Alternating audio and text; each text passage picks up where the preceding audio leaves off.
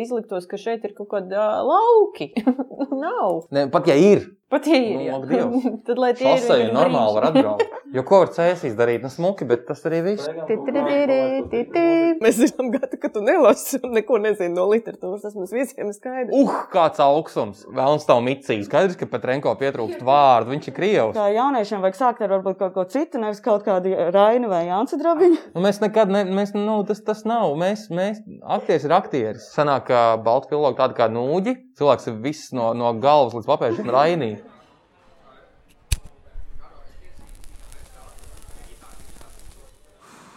Labvakar, dārgie pīpētāji sarunu klausītāji. Mēs esam sapulcējušies šeit 8. marta pievakarē eh, un izpildām tās neizpildītās kvotas. Mums pārsvarā lielākoties eh, viesos vienmēr ir eh, kungi. Nu, gan drīz. Biežāk ir kungi vai negrās.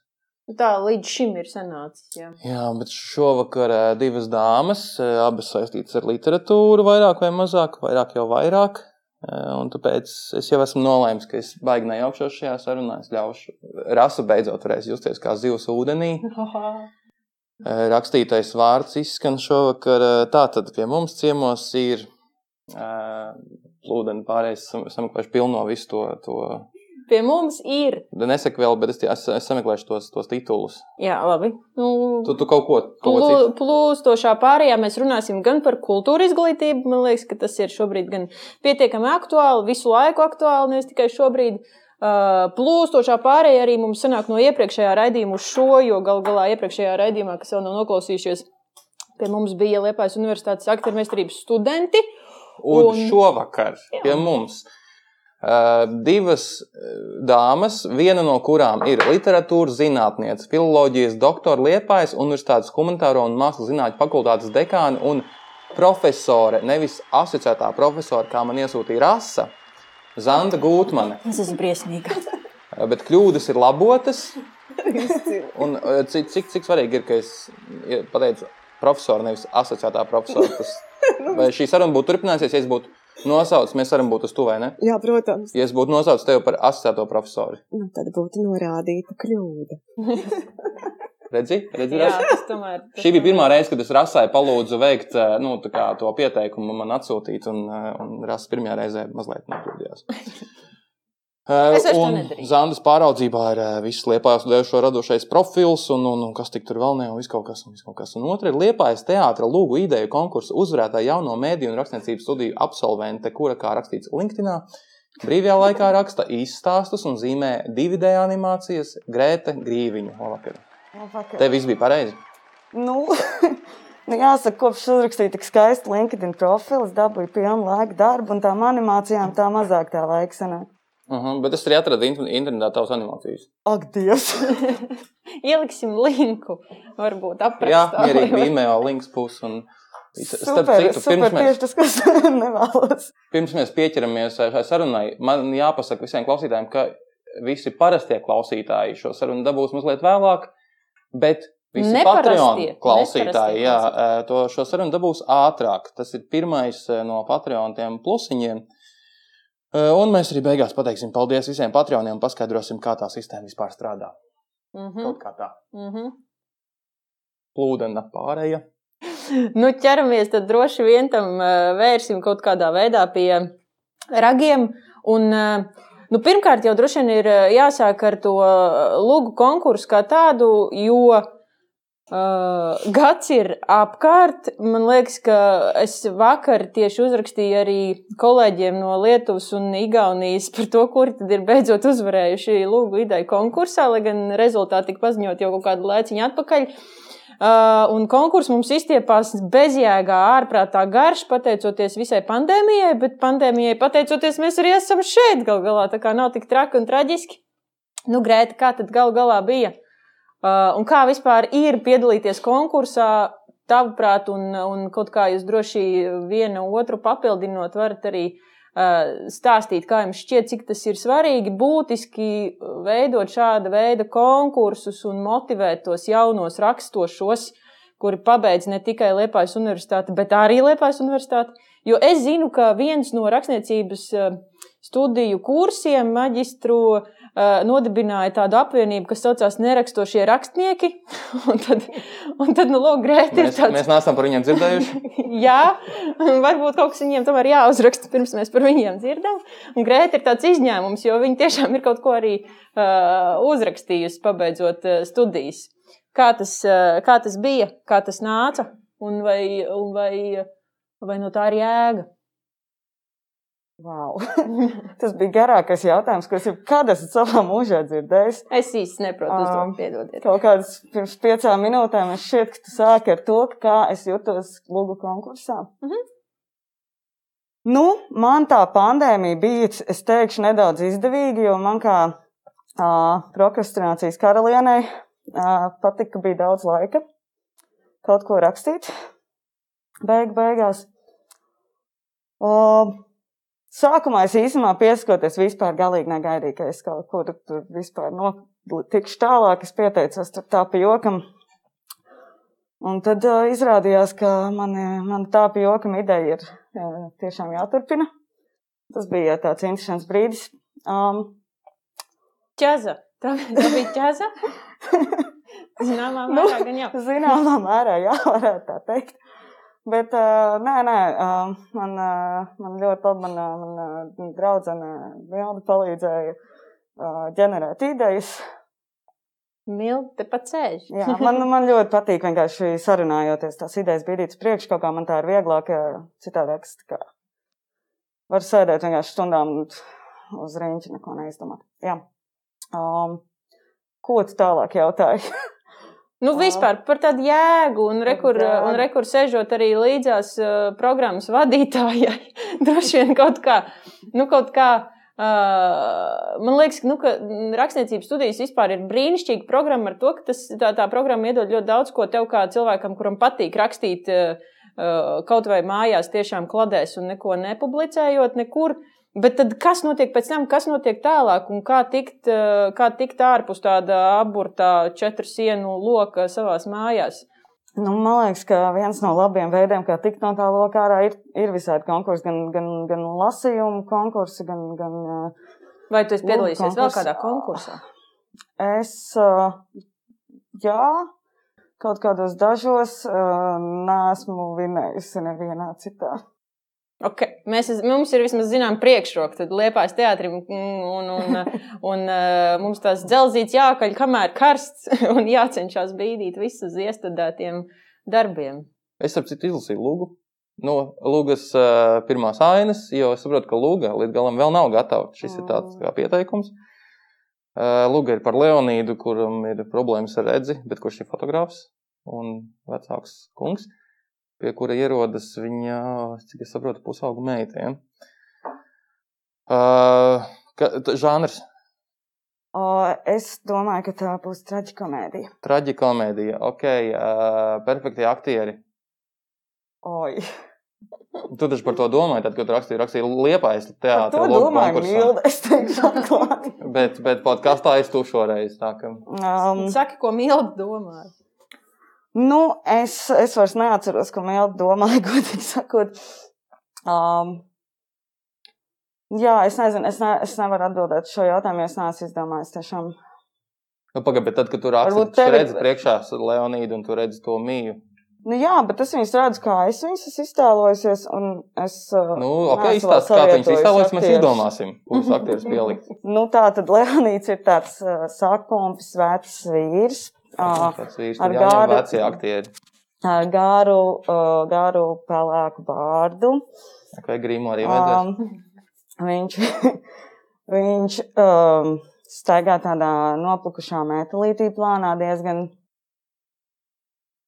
Un, uh, nu jā, un tad viņš, uh, viņš ir uh, ļoti lēni kustās, ļoti, ļoti, uh, ļoti daudz runā ar savu briedi, bet tas gan nav izskats, bet uh, Briedzi scenogrāfija. jā, un, uh, nu jā, tas kaut kā tā apmēram. Nu, un, un mīja? Ir Nu. daudz jaunāka par viņu, ir viņa meitene. Jā, meitene, jauna meitene, ļoti bravūrīgi, uh, spilgti krāsojusies, uh, spilgti sevi pasniedz uh, ļoti tā Nu, tad, seksuāli. tev uz to pretstati, kursu jā. jā, jāspiež. Nu, labi, režisors. Nu, mēs, mēs kaut ko spriedām, jā. Kā, kā būtu Mildi ir tā kā tāda orgu komiteja. Mē- Mēs, par, mēs, mēs spriedām par Senko un, un, un, un uh, Petrenko. Protams, šaujam uz zvaigznēm Jā, uzreiz. protams. Es te uzrakstīju pirmo lūgu, un vai es varētu lūgt Latvijas labākos režisors? Bet tikai un vienīgi. Vai tā nav, ka gal galā nu, kaut kā tomēr būtu jācer arī tiem režisoriem uz jaunu saturu visu laiku? Pareizi režisori, ko visi, kuri klausās šo brīnišķīgo podkāstu. Bet, eh, bet kāpēc vispār? Nu, kāpēc cilvēki raksta lūgas? Nu, es, tev, es neprasu tev, tāpēc, ka tu, tu, tu izmācījies rakstīt lūgas, un tev vienkārši tu, tu iemācījies, un Nu, tu, re, to arī te mēs dari. Bet tu arī tiekam- grāmatas raksti un vēl kaut ko dari. Bet kāpēc cilvēki vienkārši, nu, hmm, uzrakstīšu lūgu? Tagad mums e, nu, bišku jāiebrauc ir tavā vēsturē, Grēta. Pastāsti, kā Jā, tu tiki savu no pirmās gimnāzijas līdz uh, rakstīšanai? Uh, tas, ap citu, bija rakstīts LinkedInā. No kuras pirmās gimnāzijas? Ā, Rīgas tas vai no tajās, vai- tajā slavenajā manā esi no Rīgas valsts pirmās gimnāzijas. Jā. Un tu to neesi pateikusi, lai gan mēs jau 20 minūtes esam blakus otram. Lieliski! Jā, man arī nav labi. tā gradzena, ko noflašot. Es Jā, wow, viss cieņa. Bet Labi. nu, tev ir toties džempers ar Raini. Nu, tas Jā, tas ir, cik, tas ir stāsts par rakstniekiem. Tas ir, tas ir stāsts par rakstniekiem.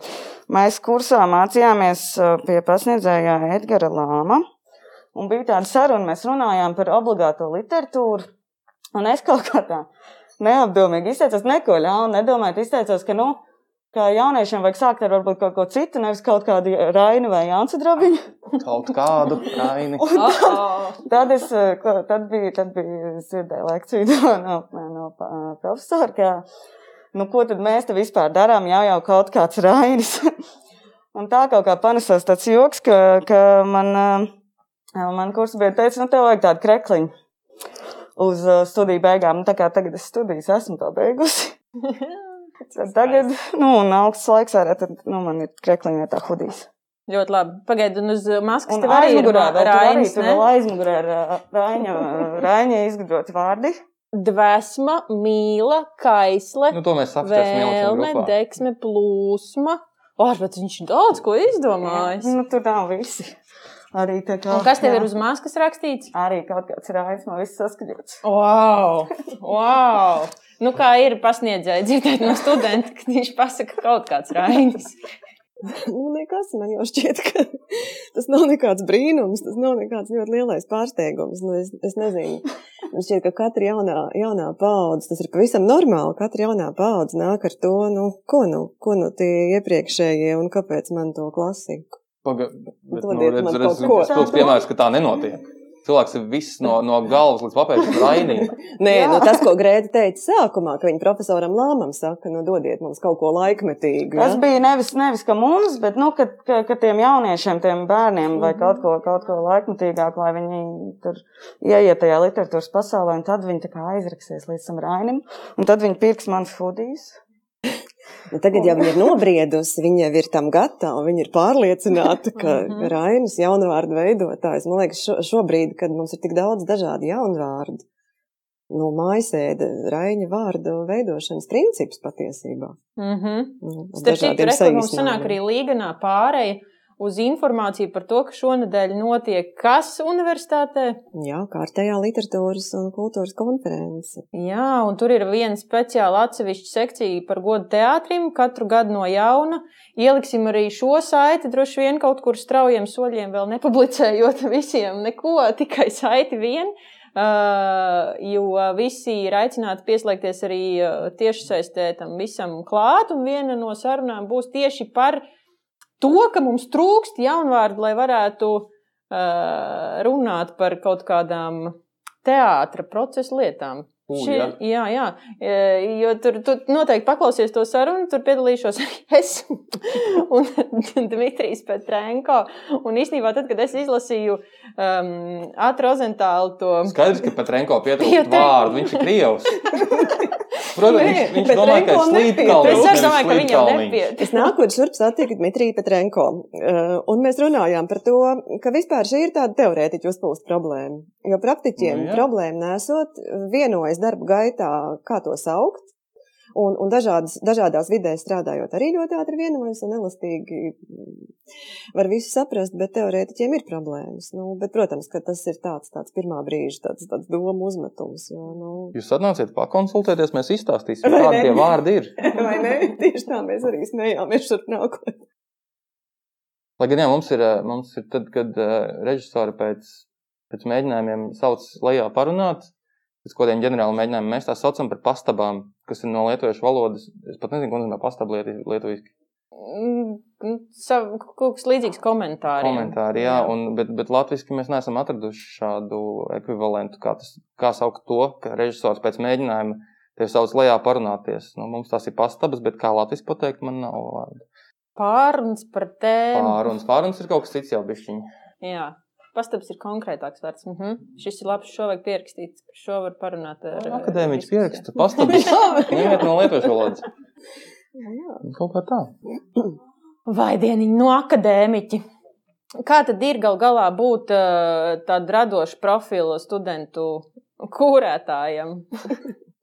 Jo laikam nedrīkst būt, ne, nevajadzētu būt tādam ļoti smagam akadēmiķim. Nu, sirdī jau tu vari būt, bet nu, kaut kā tu tomēr jāpielāgojas arī tai vidē, kurā, kurā tu dzīvo. Nu, citādi jau laikam īsti labi arī, arī nebūs. Es domāju, ka viegli. Vienkārši, ja tu jūties, jūties normāli savā ādā, tu esi tāds, kāds tu esi, Nu, viss ir viegli, te jau nekam nav jābūt. Nu, tu esi, Mhm. esi, kas tu esi. Un kas mums tur notiek tagad vispār ar uh, universitātēm? Pagaid, pie šitā vēl aiziet. Ok, ok. Vēl, vēl, vēl mierīgi, bāzāma, lai tās Es jau visu sakrājās. spļauju ārā. Okay, okay, okay. Es gribēju pajautāt, vispār, es, es, es redzu, esmu rakstīto vārdu pilnīgi uz jūs, un, un es esmu praktiķis, un absolūti ne teorētiķis un akadēmiķis. Tāpēc es, man tie jautājumi tādi pa, pa, pa, pa.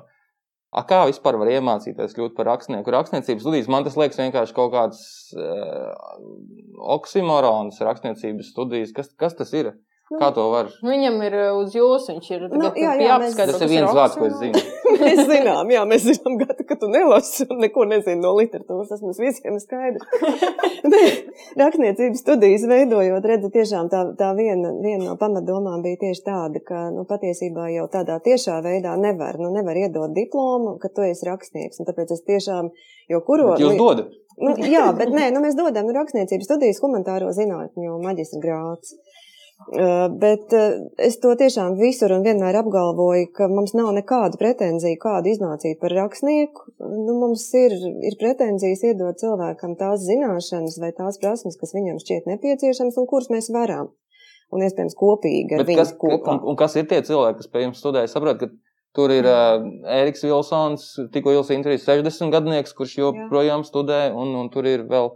Nu, kas ir tie cilvēki? Tie, Jāna Egle ar- arī. Nē, Jāna nav studējusi. studē? Nē, Jāna nav pie mums studējusi, Jāna strādā. To apgāja. Nē, nē, nē, nē, tur taču ir tāda Kļuva par rakstnieci, bet nav studējis rakstniecību. Jā. Kāds var būt? Šausmas rebels. Nē, ir. Bet tiešām nekad nepretendēju, ne, nekad nedomāju, ka vajadzētu tā to, to vispār kaut kādā veidā uz, uzskatīt. Ja, ka šeit, ir- šeit sanāk, ka, nu, tā ir tāda kopiena. Bet, man liekas, tie nav cilvēki. Tā, tā, tā nav cilvēku pirmā, man liekas, kaut kāda studiju izvēle. Tas ir cilvēki, kas, kas Nu, jau kaut kur strādā, kaut ko ir Protams, visi, visi. Nu, pirmkārt, tās ir maģistra studijas, un tās man šķiet varbūt tikai tādā līmenī, Jā. nevis bakalaura līmenī. Mēs daudz esam domājuši par to, ka, ja mēs gribētu, nu tā, paņemt laukumu, ka varētu kaut ko bakalaura līmenī, bet es tiešām nedomāju, ka tas ir tā grāmatas. vērts. Vienkāršās grāmatas. Nē, nu ne tā, bet nu, vien, es domāju, ka tas tiešām nav tā vērts, ka ir, ir tā kā kaut kā jāizdomā. Ko tu gribi darīt, un, un kas tev patīk. Un, un es patiešām teiktu, ka tā ir tāda kopiena. Tie ir ļoti, ļoti dažādi cilvēki. Mēs nekad nevaram pateikt, kāda, kāda kurā gadā mums atnāks auditorija. Tur ir mākslinieki, tur ir žurnālisti, tur ir, um, tur ir um, jā, cilvēki, kas jau raksta, cilvēki, kas strādā izdevniecībās. Jā, arī, arī pa kādam, kas ir tieši ar akadēmisko, nu, kas, kas vēlas saistīt to tā, savu tālāko darbību ar akadēmisko vidi. Tiešām ļoti dažādi cilvēki, ļoti interesanti sabiedrība. Es domāju, es- Tas ir, tas, ir, tas ir brīnišķīgi. Man šķiet, ka tas ir viena no tām foršākajām lietām, ka tur tiešām sanāk ļoti dažādi cilvēki. Tas nav tā, ka tur ir tāds viens vienots bariņš, kas visi, nezinu, vienā stilā raksta, vai visiem interesē viena tā pati sadaļa literatūras, ka katram ir kaut kāds savs, katram savu, savs stils. Kat, nu, arī, tas arī daļai droši vien tāpēc, ka maģistrantūra jau, kad nu, cilvēki jau ir pieredzējušāki, un tiešām manā kursā arī bija dažādi, dažādi pauģu cilvēki, un tā kā tas baigi forši. uh, Un tas brīnišķīgi papildina, jo, nu, tad, ja mums kursā ir Ēriks Vilsons vai, nu, vēl mums ir bijuši va- Varis Sīliņš un, vēl kādi kungi un kādas dāmas, un kādreiz ir tik ļoti jauks tas, tas paauģu savienojums, kur tu saproti, ka tam jaunietim pēkšņi vispār pavērs kaut kā pilnīgi cits, cits skatījums uz šo pasauli. Nu, man šķiet, ka tur tas brīnišķīgais, ka tu nekad nevari paredzēt īsti, kā tas būs, tu nekad nevari sagatavoties. Tev vienkārši ir jātur līdzi un jābūt elastīgam. Un, un droši vien arī ar to pārliecību, ka nu, ne jau mēs jums ā, te visu iemācīsim. Nu, nu nebūt, nē. Mēs esam kopā, lai, lai kaut kā savstarpēji to, to visu veidotu, kas mums tur sanāk. Un, protams, bezgalīgi priecājamies, ja pēc tam ir, ir rezultāti. Un Rasa sākumā iesāk ar. Nu, mūsu lielākais joks, protams, ir tas, un ar ko mēs lepojamies, ar nerakstošo rakstnieku savienību. Jo mēs paturam prātā, ka tā ir iespēja. Nu, es domāju, kā vienmēr mākslā. Nu, māksla negarantē rezultātu. Tas vienkārši nav iespējams. Ja mēs, Ar šo kritiķi Jā. lūdzu klausieties. ja mēs garantētu katrā darbā to, ka nu, tagad es dabūju no kultūra kapitāla stipendiju, un tagad tas romāns būs, ja, vai, vai tas gabals būs, nu, tā tas nekad nav. Mākslā tas vienmēr ir. Bet, ja māksla negarantē, oh, es, es eju tagad pa slīdenām. tā Labi, kā- labi. es, man nevajadzētu tagad uz šeit. Ja māksla, kā, kā bija māksla, negarantē rezultātu. Nē, nu, māksla garantē rezultātu. Jā, tas bet, mākslas mākslas process. process negarantē process, jā. rezultātu. Bet, jā. eh, bet kā tad mēs varam, nu, nu tie cilvēki iestājas rakstniecības studijās un cenšas kļūt par rakstniekiem, tad viņu izglītībai, kas viņiem ir iedota, vajadzētu garantēt vismaz kaut kādu. Nē, nu, Klaugāt, pirmkārt, tā, viņi visi necenšas kļūt par rakstniekiem. Daudz no viņiem, eh, piemēram, ļoti labprāt grib uzlabot savas literārās valodas zināšanas un prasmes, lai, teiksim, varētu darboties ar tekstu, ja, lai Mhm. varētu rediģēt. PRisti, reklāmisti. Vai arī literārie redaktori, ja, kas ir ļoti, ļoti svarīgi. Daudz no viņiem, piemēram, ir, kuriem ir labas svešvalodas zināšanas un, kuri, un kuri ir apguvuši tulkošanu, bet tādā ļoti praktiskā līmenī, grib padarboties ar tekstu un saprast nu, tekstu stilistiku, ja, kā strādāt ar tekstu šajā, šajā aspektā. Uh, Citi savukārt uh, domā par publicistiku. Viņi visi noteikti nedomā par rakstniecību. Grēt, jūs kursā arī tā nebūtu, nebijis. Jau saku, tie ir dažādi cilvēki. Kāds procents no viņiem par to domā? Kāds procents raksta, grib kaut ko uzrakstīt, un tad, atgriežoties pie Rastas pirmā jautājuma, tad ir brīnišķīgi, ka top tāds uzsaukums lūgu konkursiem, jo pretējā gadījumā tās lūgas var arī nemaz netapt un nerasties. Jo viens ir tas, ka viņi kaut ko dara noteiktos kursos, bet ja nav tā stimula no ārpasaules, ja, kas vēl liek kaut ko darīt, nu, tad arī ne, nevienmēr tas kaut kur vairāk rezultēs. Tā kā pirmkārt tie cilvēki ir ļoti dažādi. Bet tagad atgriežoties pie tā, ko tu teici par to, uh, vai, vai tas, kurš grib domāt par, par kaut kādu karjeru vai tālāko ceļu rakstniecībā, uh, nu, vai viņam kaut kas tiek garantēts. Nu, studijas uh, vispār jau ir tāds process, kur nav klients un apkalpotājs. Ir divas personas, kuras sadarbojas, ja, un kuras ir līdzdalīgas procesā. Nu, tas, tas garants rodas tajā sadarbībā. Nu, es vienkārši vados pēc tiem stereotipiem, ka par rakstnieku cilvēki vienkārši nu, To. piedzimst to, Iedzimst. ka to nevar Rekur, te te tagad var atgriezties arī jā, gribētu- pirmo ģimnāziju. Jā, es par, par to mēs atgriezīsimies. To es gribētu piebilst, ka nu, ir jau arī, piemēram, tādas studijas kā glezniecības studijas. Nu, tad jau tur Bet arī tur ir tehnikas ļoti daudz, man liekas. Nu, un- rakstniecībā jau arī ir kaut kādas tehnikas, un, un, Nu, un, un, un, un to iegūst zināšanas par, par uh, literatūras vēsturi. un Tas jau arī tev dod kaut kādu plašāku priekšstatu, ko tu, kas tev varētu patikt, ko pašam arī darīt. un Tā. tā kā man šķiet, ka tas. Uh, Nu jā, tā, tur nav jāgarantē rezultāts. uh, Nu, universitātē nav jāgarantē rezultāts, bet viņi iedod tos līdzekļus, kas var palīdzēt kā, to rezultātu uh, radīt. Bet- Atgriežoties pie pirmās gimnāzijas. Laik atgriežamies kaut kur. Atgriežoties pie tās pirmās gimnāzijas, jā, man LinkedInā ir rakstīts, ka es jau skolas laikā rakstīju, rakstīju tādas skolas ludziņas un, un, Un arī režisēji Jā, jā režisēju arī. Uh, to es tiešām darīju. Uh, tas līmenis tur bija kāds bija, bet nu, tas man. Pirmā tas man, tas man, tas man kopā ar vienu draugu pamudināja uh, pamēģināt iestāties dramaturgos. Tā kā es uh, divus gadus studēju turpat, kur, ko, ko tajā pašā programmā, ko ir pabeigusi rasa. Un, jā, tad es aizgāju. Sveiciens Laurim Gundaram. Vienkārši. Bet, nu, rekā, es tomēr rakstu lūgas. Tā kā, tā kā, jā, nu, Bet kas notika? Labs jautājums. Nu, nu. Uh, nu, man šķiet, ka es biju pārāk jauna. Man, uh, mani nervi neizturēja šo mācību procesu. Izturēja pirmo gimnāziju, bet neizturēja ir akadēmiju. aizdomīgi. Jā, tas, ir, tas ir diezgan aizdomīgi. Jā. Nu, kaut kā tā bija. Jā, es, es, es teikšu, ka, ka man, man tiešām bija tāds. Veicot izpēti Facebook, es redzēju, ka tu arī uh, left Liepā University. Tur ir tāds ieraksts kā left. Tu pamet Liepājas Es universitāti. nepametu liepas. Nu, Nepamet? li- nu, Kļūda internetos? Es, tur, es kaut ko nepareizi, varbūt tas uzlikas. Es gribēju uzlikt, ka es pabeidzu. Pabeidzu, bet izrādās, aizgāju prom. Aizgāju prom. Okay. Nu, es pabeidzu un aizgāju prom. Tad es, es gadu nestudēju, un tad es tā kā. Jā, nu, Un jā, meties uz jaunajiem mēdījiem. Uh, jā, tad es metos uz jaunajiem mēdījiem. Kā tā? Um, man patīk tā, es nu, kaut kā uzkodu šo programmu, uzvodu. Un, un es lasīju, ka tur daudz tās visādas praktiskās zināšanas iegūst. un Man, pat, man likās, ka pēc, pēc tā, ka man visu laiku ir bijis jāraksta, jāraksta, jāraksta, varētu būt forši mācīties kaut ko praktisku un iegūt kaut kādas zināšanas par tādām digitālām, di digitālo mākslu un visu to. Un, uh, man jau, jau kopš uh, skolas interesēja animācija, un tad it kā animācija man bija tas, tas mans. Tas mans, ko es gribēju mācīties, tur, kad uh, es Erasmusā dabūju diezgan daudz animācijas kursus. Kur tu pastudēji Erasmusā? Uh, Budapeštā. Budapeštas Metropoles universitātē. Skan smalki, ne? Mhm. Nu jā, vispār par tām divām programmām runājot, nu, mums ir pa kādam, jā, ir pa kādam, kur ir mēdīja beidzēja, kas ir rakstniecībā. Es domāju, ka tas vēl, tur vēl visa nākotne ir priekšā, tāpēc, ka tur tiešām ir ļoti, ļoti daudz iespēju. Un, un arī, tā kā es strādāju gan vienā programmā, gan otrā, tad ļoti labi mēdīja programmā strādājot, var redzēt, par ko man ir ļoti liels prieks, ka, nu, man ir tiešām tā sajūta, ka Latvijas lasošākie jaunieši atnāk uz jauno mēdīju programmu, lai cik tas dīvaini nebūtu. Un, jā, tiešām par to priecājos, un tad var arī just, un tad tas, nu, kā, kā tas tālāk virzās, un studiju laikā tas tā arī tomēr aizvirzās, kā, kā par Grētu pirmajā kursā nodomāja, ka, nu, re, re, tur kaut kas ir no Bet- šīs jomas, tad tā arī bija. Bet jauno mēdīju pārstāvji uh, neapmeklē teātrī īsti.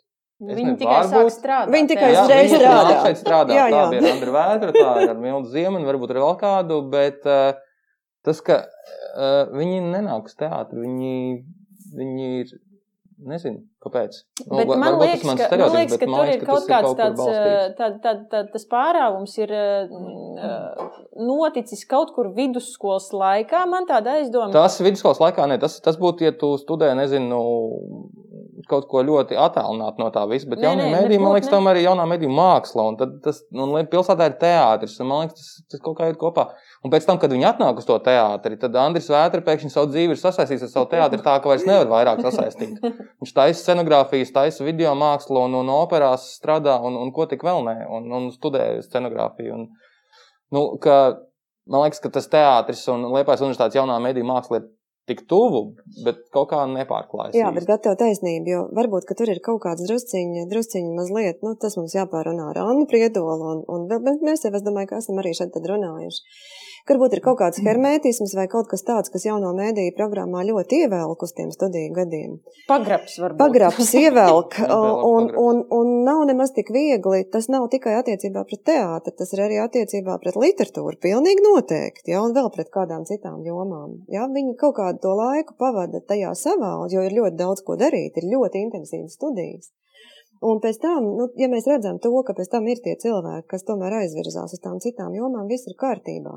Bet tur tas sākums tāds varētu Jo, man, būt. jo es kāpēc pieminēju vidusskolu, tāpēc, ka es drusku pastrādāju arī Liepājas mūzikas un mākslas vidusskolā. Un Par ko? es viņiem mācīju scenāriju pamatu Ok. rakstīšanu.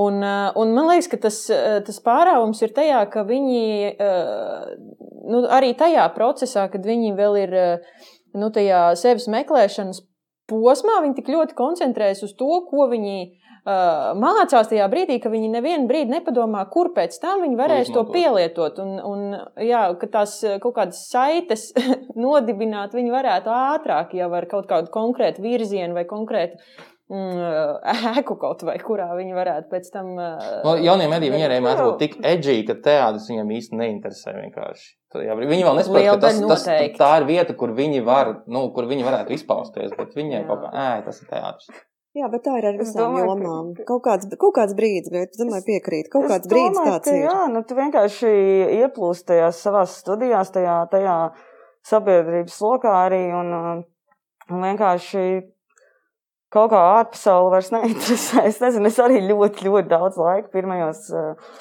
Pirmajā kursā pavadīju vienkārši sēžot pagrabā, vienkārši darot kaut kādas lietas, vai arī kaut kā, es nezinu, no, socializēties ar, ar kursu biedriem, programmas biedriem. Bet, ziniet, no vienas puses tas man šķiet arī ir labi, jo tāpēc, ka mūsdienās nu, mēs visi esam izkaisīti pa pasauli, šur tur, it nekur. Un Es domāju, varbūt tas nav slikti, ka ir kaut kādi trīs gadi, kad cilvēks koncentrējas uz, uz to, ko viņš dara. Un, un nu, jā, ja, kā es vēlreiz saku, ja viņš pēc tam iznāk ārā un, un atrod to savu sasaisti, es domāju, ka viss ir, viss ir labi. Varbūt tas ir tā neierasta mūsdienām, drīzāk tā. Nē, nu, es, es zinu, kas ir studijas. Paveicis. Es Turklāt, tu esi viens ir. no izolētākajiem studiju Jā. kursu beidzējiem Jā. vispār Latvijā kā tādā, man liekas. Es, es saprotu, kas tas ir. Jo tas jau ir arī, nu, kaut vai tajā pašā akadēmijā, tur jau arī ir ļoti interesanti, ka, nu, piemēram, nu, mācoties paralēli režisoriem ar dramaturgiem, tas nebūtu nenozīmē, ka jūs reāli jau arī salaiž kopā studiju procesā. un Tad ir Mūs tieši laida. kaut kāda. Mūs Mūs arī salaid, mūs- bet mūs salaid. kopā kaut kādā trešajā kursā, un tad, nu, tā, kuram sanāks jau- sapastēt. Mums jau no pirmā kursa laid kopā, man liekas, tāpēc, ka tavs kurs tā kā bija. Precedents, ka ir labi. Jā, bet Bet Rasa, runājot par aizraušanos ar tām mācībām, un ka tu to savu te, savā burbulī, nu, toties dramaturgos, to ir, ir tieši tas, tas teātra burbulis, un tad toties visi tie studenti iet, zina, nezinu, visas izrādes, kas notiek, un, un vispārējo, tā kā tas ir, man liekas, vienkārši Bet kas ir jauno norma. mēdīju burbulis? Toties jaunie mēdīji, tikai iet uz izstādēm, nu, iet uz izstādēm, iet uz jauno mēdīju izstādēm, tā. iet uz digitālo, digitālo mākslu pētam, viņi, viņi atkal ar to aizraujas un pieņem, ka ir ļoti daudzi dramaturgi vai rakstnieki, kas, teiksim, tās izstādes nepārzinās un, ne, un neies uz to daļu, un tā kā varbūt citi cilvēki sēdēs un spriedīs, nu, tie rakstnieki gan nevienu Man izstādi nav citu šobrīd ir ārkārtīgi interesanti pieredze runājot par, par eh, to, kur vispār rakstnieki savu darbiņu var pēc tam likt. Es esmu piesaistīts šobrīd ekspozīcijas izveidēji dziesmu svētku lielajā aizstrādē, tur, kur būs tagad tas dziesmu svētku muzejs arī iekšā. Tur man ir, nu, es esmu viens no ļoti, ļoti daudz iesaistītiem cilvēkiem, kas, eh, kas eh, palīdz tajai ekspozīcijai tapt, un tā ir vienkārši neticami jocīga pieredze, jo es, eh, man principā ir jākomunicē ar visādiem māksliniekiem, arhitektiem, video māksliniekiem, visiem pārējiem. Viņi runā tik ļoti citādā kā teātris cilvēki. Tas ir pff, pilnīgs ārprāts, un man liekas, ka jā. Man drusku pietrūkst arī tā, tās pieredzes eh, ārpus sava teātra realitātes burbuļa. Tā Tas, eh, tas, eh, tas ir interesanti. Un vērtīgi, jebkurā gadījumā, arī ir. Un Viņi droši vien to nepiemēros, tāpēc, ka arhitekti un video mākslinieki viņi paši ir mākslinieki. un tā kā Vienmēr ir tā, tā, tā, tas, tas, starpības, nu, tas jau ir mākslinieks, tāpēc es, es mēģināšu viņam piemēroties. Un, nu, centīšos Mhm. Un viņu es saprast, parasti dīvaini tajās sarunās, un es gaidu to brīdi, kad es sapratīšu kaut ko, ko viņi runā. Bet nē. Nu, nē, tas ir Nē, bet beidziet, tas, ir, tas ir ļoti interesanti. Mums vēl pēc nedēļas, nākošais nedēļa, mums būs mūsu lielā literatūras zinātnes konference, un vēl pēc nedēļas būs studentu konference. Un tur ir tas pirmais interesantais vērojums, ka, piemēram, ja tur baltu filoloģijas studenti runā, uh, viņi saprot viens otru, bet viņi nesaprot, ko jaunie mēdīji runā. Savukārt, tie nesaprot, ko runā rakstniecības studijas. Un, ja tur ir tiešām tāda kārtīga valodniecības sekcija, tad to nesaprot. Tā tas tiešām, nu, tā, tā, tās, tās zinātņu valodas, tās dažādās pasaules, tās varbūt arī ļoti tuvās jomās, piemēram, valodniecība un literatūra zinātne. Tagad ir atkal vienota joma, bet tā pašā laikā, nu, tur daram? atšķirīgi. Tik atšķirīgi. Daram. Kā risināt šo lietu? Nē, nu tur, es domāju, ka tur nav daudz ko risināt. Katrs dzīvo, dzīvo savā pasaulē un iedziļinās, un tas ir ļoti svarīgi, ka iedziļinās, un, un tad, kad izējām ārā, nu, tad, tad mēģinām atrast. Nu, tur laikam arī ir jautājums par, par to, lai tā terminoloģija nav tik specifiska, ka neviens vispār to tavu valodu nesaprot, lai tā, lai tā valoda nav tik noslēgta, ja, ka neviens tur netiek klāt. Ka ir tie kaut kādi Tāpēc es gribu to savu valodu uztaisīt, lai jūs saprastu tos visus. Uh, Man ir vēl viens jautājums, uh, varbūt lādēts jautājums, kā uh, īstie rakstnieki uztver rakstnieku studiju, pab, rakstniecības studiju pabeid, pabeigušos? Iespējams, ka skeptiski. Iespējams, ka skeptiski. Es tā pavisam droši, droši varu teikt to, ka ik pa laikam tie jautājumi tādi ir bijuši, nu, ka, protams, par rakstnieku jau nevar, kā tu saki, izmācīties, ja par visiem citiem var, bet tik par rakstnieku nevar. Tas ir tas vienīgais, To nesaka tikai rakstnieki, to man saka Jā. katrs, kuram nav slinkums, man to pateikt. Tieši tā, visu citu jau no šīs pasaules var kaut kā cilvēks apgūt, bet nu šito, šito nekādi. Uh, nu, es domāju, ka tie ir tiešām arī ļoti liela uh, daudz pieņēmumu, bet es vēlreiz saku, man tas pilnīgi nekādu neskar, jo, jo mums nav nekādas vēlēšanās sagatavot tikai rakstniekus. Mēs sagatavojam šai nozarei noderīgus Un cilvēkus, pats skaistākais, ka pēc šādas vēlmes tāpat no programmas birst ārā tieši precīzi lērums rakstnieku taisnības. Nu, tas ir jauki, ja no- tā sanāk, un par to tad vienmēr mēs ļoti, ļoti priecājamies, un sākumā jau tā nemaz arī nebija. Jā, bet man šķiet, ka ar, kā ar visām lietām, nu, tu nedrīksti kaut ko iecerēt un iekrampēties tajā un skriet uz to mērķi, nu, pāri, pāri līķiem un, un ciest, ja tas tā nenotiek. Tu vienkārši viņu kaut kā tur iezīmē un, un, un virzies uz to ar prieku, ar prieku kopā ar citiem cilvēkiem. Un, ja sanāk, ir ļoti labi, ja nesanāk, nu, tas der kaut kur citur. Un galvenais, lai vispār kaut kur der. Par prieku runājot pretējās tēmas. Uh, kas tur tagad notiek ar to Lietuvas universitāti? Šī bija ļoti plūstoša Tā. pārējai. Tu cilvēks, tu cilvēks priecājies. Un tad vairs pajautā. Es domāju, ka Liepājas universitāte viss būs labi. Bet, Šobrīd, nu, pa- pastāstiet. šobrīd es tiešām tā Konteksts. domāju. Jā, Problēmas konteksts, Bet konteksts, problēmas konteksts. Es domāju, ka no tie, tie kas seko līdzi, zina, ka jau uh, kopš pagājušā gada notiek augstskolu likuma grozījumu izstrāde. Tas darbs notiek ļoti intensīvi, ir paredzēts reformēt visu augstākās izglītības sistēmu Latvijā, un, nu, protams, ir, ir uh, daudz dažādu aspektu, par kuriem ļoti ir jādomā. Nu, un viens no droši vien tādiem asāk, asākajiem ir, ir tas, ka, lai arī mm, situācija ir, ir, ir risināta par labu un ieklausoties dažādās pusēs, dažādu pušu viedokļos, tad tomēr eh, kvantitatīvais rādītājs 4000, kas ir attiecināms šobrīd uz divām universitātēm Latvijā, tātad uz Daugavpils universitāti un Liepājas universitāti, šis joprojām ir palicis augstskolu likuma grozījumos ierakstīts, kur pretī citi tādi ļoti diskutabli, diskutabli grozījumi ir nu, kaut kādā veidā mīkstināti, nav mazināti. 4000, un Jā. Daugavpilī nav, bet, teiksim, Ventspils universitātē ir un Nē, Ventspīlī un- nav universitāte. Ventspīlī universitātes ir augstskola, un jā. sākumā, paldies par to jautājumu, sākumā bija arī kvantitatīvais rādītājs attiecībā uz augstskolām, lai tās vispār varētu pastāvēt. Mhm. Un šo kvantitīvo rādītāju noņēma. Ja? Jebkurš tur uzsācīt augstskolā ar pieciem studentiem. Nu, ar pieciem, bet tur nav rādītāju. Ja? Tātad šo noņēmu, un tad, nu, pēc analoģijas, protams, ka būtu tikai normāli, ja, ja noņēma, teiksim, šo kvantitīvos rā- rādītāju, tad noņemtu arī universitāšu kvantitīvo rādītāju. Nu, tāds ir tas īsais, īsais komentārs par šo. Nu, un kā tur izskatās? Nu, kā tur izskatās, un to mēs redzēsim. Visi Tagad ir otrais lasījums, jā, tikko. Jā, tagad ir otrais lasījums, nu, tad, tad, tad darbs turpinās, bet šobrīd, tad beidzot, es, es teikšu, kā tas izskatās. Man izskatās tā, ka brīžiem klausoties ziņas, tu vari vienkārši brīnīties, zinot to, ka kas ir noticis saimā un par ko tiek runāts un cik tas viss ir nopietni, bet ziņās mēs runājam, nu, mēs jau zinām, par ko mēs runājam, un, un sabiedrība absolūti neko neuzzina par to, kas, piemēram, tiek runāts saistībā ar augstāko izglītību.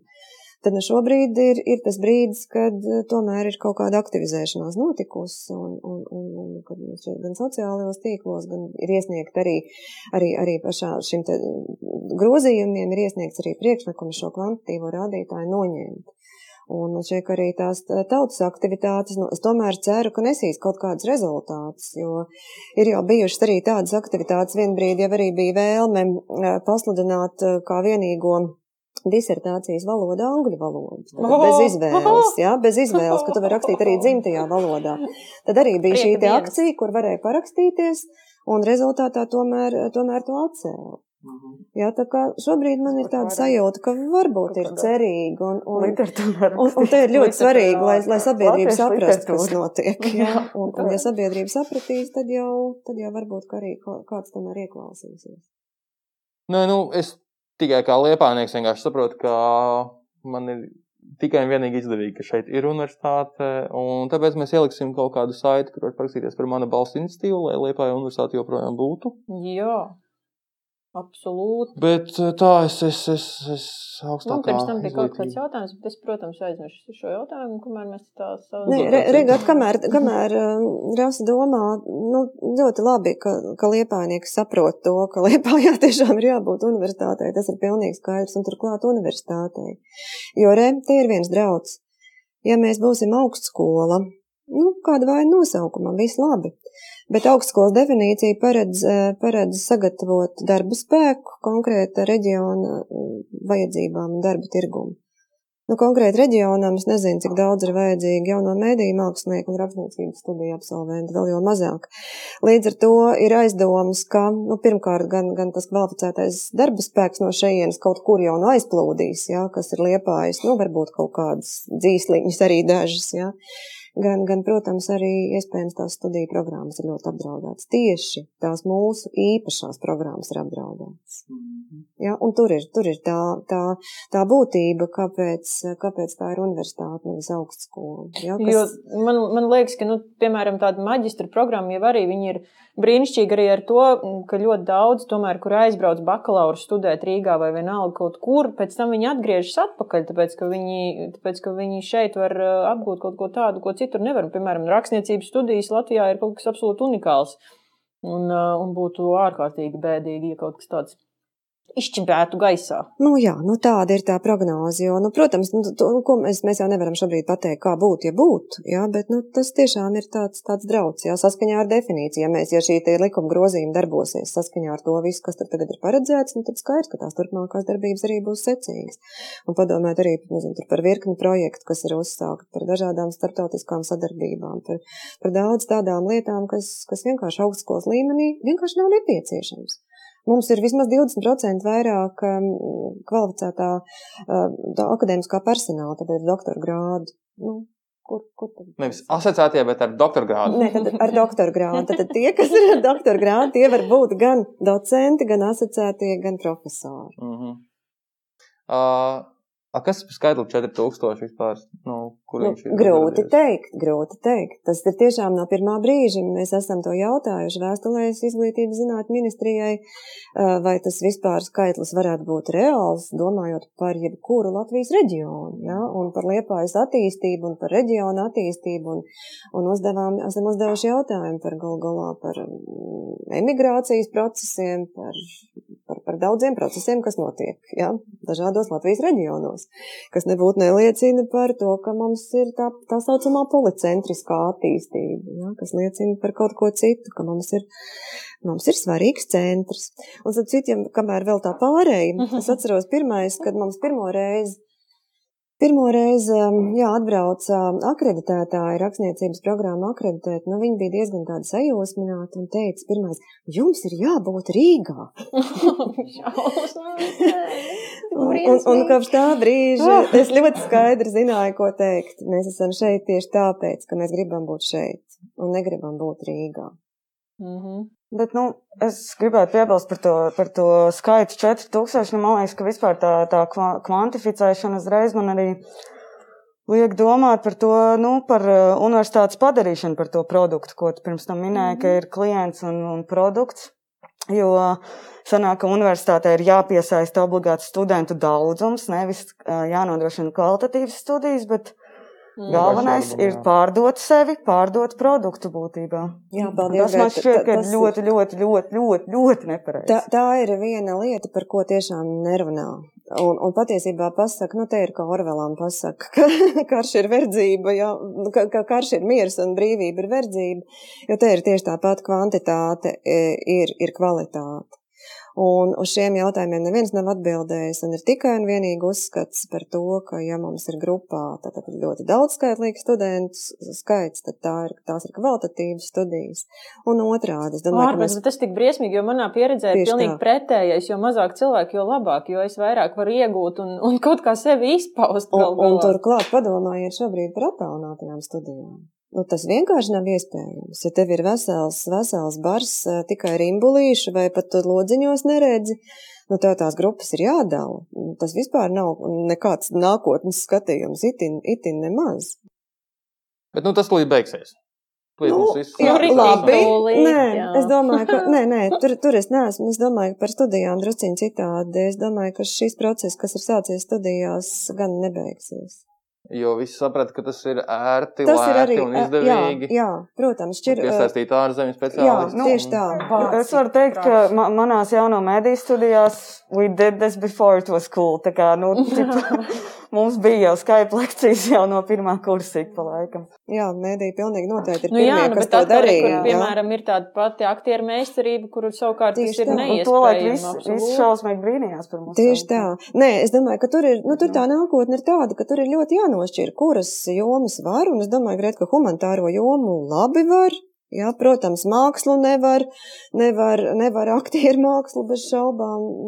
Nu, arī, arī, protams, humanitārajā jomā būtu labi kaut ko dalīt. Bet Nē, kaut tas kādu būtu tik procentu traki. var. Es iedomājos, ja tajā laikā, kad es studēju Liepājā, man būtu jāsēž Rīgā vienkārši un, un jāiztēlojas, ka es kaut ko mācos. Oh, prāts. Nu, es neesmu tas. Nu, Tīpaši tāpēc, ka liela daļa no mūsu studijām arī ir tā kā semināri. Man šķiet, ka semināros tā klātesamība tomēr ir tā kā ļoti svarīga. Es, es nezinu, es, ne, es neesmu droši, vai es tāpat Mm. tikpat labi Jā, bet tā- pilnīgi noteikti var pateikt pati pēc sevis. Nu, pavasarī man šķiet, tas ir kaut kāds surrogāts, ko mēs darām. Un studentiem tieši tāpat, un rudenī kaut kāda daļa studentu arī ap citu aizgāja. Nesaprotot to, ka to var, to var pārlaust, un tad, kad to pārlauž, man šķiet ir viss kārtībā, bet vienkārši arī, arī no docētāja puses. Tu taču nevari rullēt tāpat, kā tu esi rullējis auditorijas priekšā. Tu to nevari vienkārši tā darīt. Tev ir viss jāsāk no sākuma. Viss ir citādi, pilnīgi viss ir citādi. Un arī no studenta skatu punkta tas ir citādi, bet ir kaut kāda labuma, ir kaut kāda lielāka organizēšanās, īsāk varbūt mēs mēģinām domāt vairāk, ko mēs sakām un kad mēs sakām. Nu, kaut kāds, kaut kāda Nu, kaut kāda sakoncentrēšanās noteikti Jā. tā ir drusku citā Nu, līmenī. ir arī Nu, nu, arī cilvēki, otrā- kuriem vienkārši kaut kāda trauksme tas zūd, ka viņiem nav Jā, arī- arī tā, tas. Tādas lietas jau arī. Arī tas, jā. Nu, tas, ir, tas ir ļoti dažs, bet ko es tiešām gribētu, gribētu teikt, es arī mēģinu pateikt visiem tiem šaubīgiem studentiem, ar kuriem es mēģinu runāt, tad, kad viņi nolēma pārtraukt studijas. Nu, pirmkārt, es viņiem saku, nu, padomājiet, tagad ir šis laiks, ko tu darīsi? Tev tāpat nav ko darīt. Nu, darba tev visticamāk nav, un skatoties tās prognozes, nu, nebūsim optimistiski, kas notiks ar jaunatnes nodarbinātību. Šis ir veids, kā tu vari labi pavadīt laiku, tu vari justies pie saprašanas, darīt kaut kādus ikdienas darbus, turklāt izglītoties, iegūt kaut ko. Nu, man šķiet, ka tu, tu tie pavisam aplam, aplam lēmumi šobrīd kaut ko pārtraukt vai arī nestudēt. Nu, es domāju, gluži, gluži otrādi. Jā, bet tie, tie iemesli, kāpēc kāds tagad salūst, arī varētu būt diezgan Protams. psiholoģiski Protams, arī. Un, un, tieši tā. Ka tu vairs neredzi jēgu tam visam. Protams, to, to es redzu apkārt, tas tā notiek. Nu, jā, nu, mums jau arī puskurs, tā kā pavasarī nespēja vienkārši tos maģistrus uzrakstīt. Nu, tā kā es, es, es biju viens no tiem cilvēkiem, es to ļoti labi saprotu, ka var arī būt vienkārši grūti pierast pie esošās situācijas, grūti ar, ar to sadzīvot, grūti, grūti kaut kā pārformatēt to savu, savas pierastās visas lietas. Un, un, un, un, un, ja tu streso, piemēram, par ģimeni vai draugiem vai kaut ko tādu, tad ja pievērsties studijām ir divi tik sarežģīti. Jo vienkārši liekas, ka tas taču vispār ir nesvarīgi. Tas, kam man to vispār vajag, es vispār te sēžu tagad mājās. Tad, nu, nu, viss, viss kaut kas notiek. Protams, protams, tas viss apkārt ir tā, ir, tā ir daudz un gana. Nu, mums ar asu šodien pirmā atvaļinājuma diena, bet galīgi nav tā sajūta. Galīgi nav. Nu, jauki, ka jūs strādājat. Mm. Jā, mums ir tagad teātrī pauze absolūtā reklāmai. Starp par citu, tikko iznāca Džilingera pirmizrāde. Jā, Džilingera mēs šodien dzimšanas dienu apsveicam. o, daudz laimes. Mhm. Un uh, Bariko jaunā līga esat lasījušas? Lasījušas, neesam. Ai, Es neesmu. ai, Es arī, esmu lasījis jocīgs. Nu, nu redzi, tu, tu kurš nelasi, ja? Jā, es neesmu redzējis, es nezinu, man es nevaru komentēt īsti. Bet uh, par nu, man tā kā tas jautājums droši vien arī atgriežoties pie, pie dramaturgijas, varbūt bišķi vairāk. Un, un, uh, nu, rekur tagad ir uh, mums jauns dramatizējums, un, uh, un um, žēl, jā, ka mēs neviens neesam redzējuši izrādi, jo esmu gluži vienkārši to. Ah, jā? Nu, es ma- Madarē bakalaura darbs. Ah, taču pareizi, bakalaura darbs Madurai. Nu, tad aiziet, pastāstam, varbūt, kā, kā, kā, tas, kā tas ir, vai, vai, nu, vai, eh, vai var just, ka tā ir literatūra, jo es gribu izmantot situāciju. Ja? Man parasti uzdod jautājumu par nu, to brīnišķīgo, vai dramaturgija ir literatūra vai nav. Un es gribu šobrīd izmantot situāciju un pajautāt šo jautājumu jums abām divām. Droši vien vispirms zināt, ko turpmāk atbildēt citiem. Nē, man saka, ir mana universālā atbilde, kuras, kuras atklāju mm, pateicoties eh, maģistra darbam rakstniecības studijās, to es pateikšu pēc tam. Bet, eh, nu, nu jā, kā tas ir, un vai skatoties izrādi, jūt kaut kādu to mm, literatūras klātbūtni vai nē, kā ir šajā gadījumā, un, un tad kas sāk kalpot kam teātris tekstam vai teksts teātrim, varbūt kaut ko maz drusku par, par šo tā. Mm, nu jā, nu pirmkārt man gribas teikt, ka man šķiet, ka teātris ir ļoti dažāds un, un nedod dievs. Teātris tiek štancēts, es atvainojos pēc kaut kādas vienas, vienas schēmas tas būtu bezgalīgi skumji, jo, jo literatūrā un teātrī ir vajadzīga dažādība, daudzveidība. Un, un šajā gadījumā nu, man šķiet, ka ļoti labi jau nospēlē arī tas, ja ir notikums, kuru gaida, un tas notikums tā īsti arī varbūt nemaz nenotiek, vai pašās beigās tikai notiek. Nu, tā notikuma, notikuma intriga, ja ir. Un, un tā šajā gadījumā ir. Bet, bet vēl par, nu, izrāda pavisam, pavisam svaigu un, un grūti varbūt arī tā uzreiz formulēt, formulēt domu. Nu, tās manas sajūtas varbūt ir tādas, ka, ka tā varētu būt izrāda, kas tieši kaut kā ļoti īpaši piestāv šim laikam, kurš ir kaut kāds apstājies, nenoteikts, neskaidrs, nav zināms kāds. Un tad tu vienkārši ienirsti kaut kādā pasaulē, tādā lēnā, tādā ilgā. Un, un, un sākumā pretojies, jo varbūt negribi pieņemt noteikumus, bet tad pieņem noteikumus, un tad, kad tu ļaujies, es domāju, ka viss ir kārtībā, viss ir kārtībā. Un to var, var izdarīt arī tā. Un man, starp citu, tas jautājums, ko tu man uzdevi, neienāca prātā, skatoties izrādi nu, ka tur trūktu kaut kāda dra dramatiskā efekta, jo, jo to iekšējo darbību jau arī var, var brīnišķīgi dramatizēt. Mm. Forši? Par, par, par atbildi. par uh, dramaturģiju kā jā, literatūra vai negluži literatūra? Es domāju, ka dramaturģija var būt un var nebūt literatūra. Oh. Ļoti, ļoti interesanti atbildi. Paldies, tev, paldies, Gēc, paldies. nu, kā no dramaturgija ir daudz dažādas tomēr arī veidi, kā, kā, viņa, kā viņai būt. Un tad uh, man šķiet, ka daļa dramaturgijas noteikti ir literatūra, un to var arī lasīt kā vienkārši literatūru. Un tad ir daļa dramaturgijas, kas ir varbūt um, dramaturgija jau nav tikai arī teātrim. Un tad, nu jā, daļa dramaturgijas varētu arī nebūt uzskatām par literatūru. Bet man šķiet, ka kā vairāk tā kā jā. Bet te ir tas, ko mēs rāst esam runājuši jau, jau divi tā, ka te vajag kaut kādu teorētisko, teorētisko pamatu, kaut kādu teorētisko balansu, alternatīvas, un pie tā ir jāstrādā. Un te nu tagad ir tas, ko, piemēram, ja šī te teātri, teātrim veltītā diskusija, kas būs mūsu konferencē, Nu, šis ir viens nu, pamatjautājums, principāls pamatjautājums, kur šobrīd mums vajadzīga diskusija un, un kaut kādas dažādas domas šim mm -hmm. jautājumam. Kurā jautājumā tajā pašā? Tajā, jā. Tajā Vai paša. dramaturģija ir literatūra? Uztaisīsim polu Facebook grupiņā. jā. -hmm. Ļoti labi. nu, tā, labi. Madrai bakalaurs, gati. Vispirms es tevi apsveicu ar to, ka Madara tevi ieklausījās. O, jā, es šo izstāstīt. Pagājušajā epizodē mēs Madarai Kurživecai pajautājām, vai viņai nav žēl savu topošo skatītāju ar šādu uzvārdu. Vai tas var reāli šādu uzvārdu izrunāt? Un viņa padomāja, un tagad viņa ir Madara Kalna. Yeah! Kā, un, kā man gāja, un kā man gāja? es lieku Facebookā, ka izrāda ar Madaru Krživec un man uzmet, un un man uzmet Madaru Kalnu. Labi, ka izmet Kas tā tāda? Es pilnīgā šausmās, kāpēc viņš man vet visu nepareizi. Un es izdzēšu un ierakstu Madara Krživec. jo es patiešām domāju, ka Madara Krživec ar to arī izcelsies, ka viņa ir Madara Krživec. Jā. Nē, nē, Madara kalns skan skaisti, bet uh, droši vien Google būs grūti, jo droši vien ka ir daudz, daudz Madara kalnu. Bet uh, es, es jūtos tā kā savu darbu padarījis. jāmaina. Es reāli jūtos Tu esi ietekmējis notikumu gaitu. Katrā podkāstā pateiks citu ideju.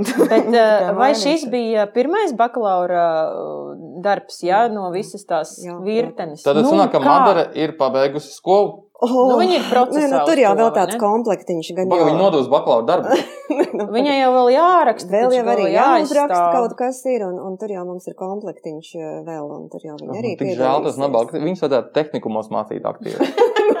nu, reāli, nu. Nu, mēs nekad, ne, mēs, nu, tas, tas nav. Mēs, mēs, aktieris ir aktieris. Ir naivi domāt, ka no aktiera kaut kas var. Nu, Nu, bet pagaidi, re, kur Laura tagad studē rakstniecības studijās. Viņai Jā. rakstniecība problēmu nav. Tas nozīmē, Nu. ka viņa nav vienīgā tāda. Viņai nācās desmit gadus nostrādāt un izaugt līdz tam, ka viņa var rakstīt stāstu. Kintīs Stūra, piemēram, arī viena no aktieru kursu studentiem iegūta trešo vietu mūsu lūk konkursā. Jā, tikai trešo. Jā. Klau, klau, mums ar citu ir, nu jā, trīs, trīs aktrises. Mums ir bija Ance, Nožniece, Rūta, Dišlere, kas Jā. tagad Holandēra, jā, un, un, un Laura. Mm, Par ko mēs ļoti priecājamies. Ziniet, kas ir ļoti interesanti un vispār sveiciens jomai un kompliments jomai. Tie cilvēki, kuri sākumā ir tādās, tādā uztraukumā par to, ka viņi nav rakstījuši nu, normālu bakalaura darbu, nu, tādā izpratnē, ka tādu apjomīgu, garu, ļoti zinātnisku. Un viņi par to ļoti uztraukušies, un rezultātā viņiem parasti sanāk ļoti labi. Tas nozīmē, ka ir ļoti labi attīstīta loģiskā domāšana, spēja sakārtot, arī organizēt savu laiku.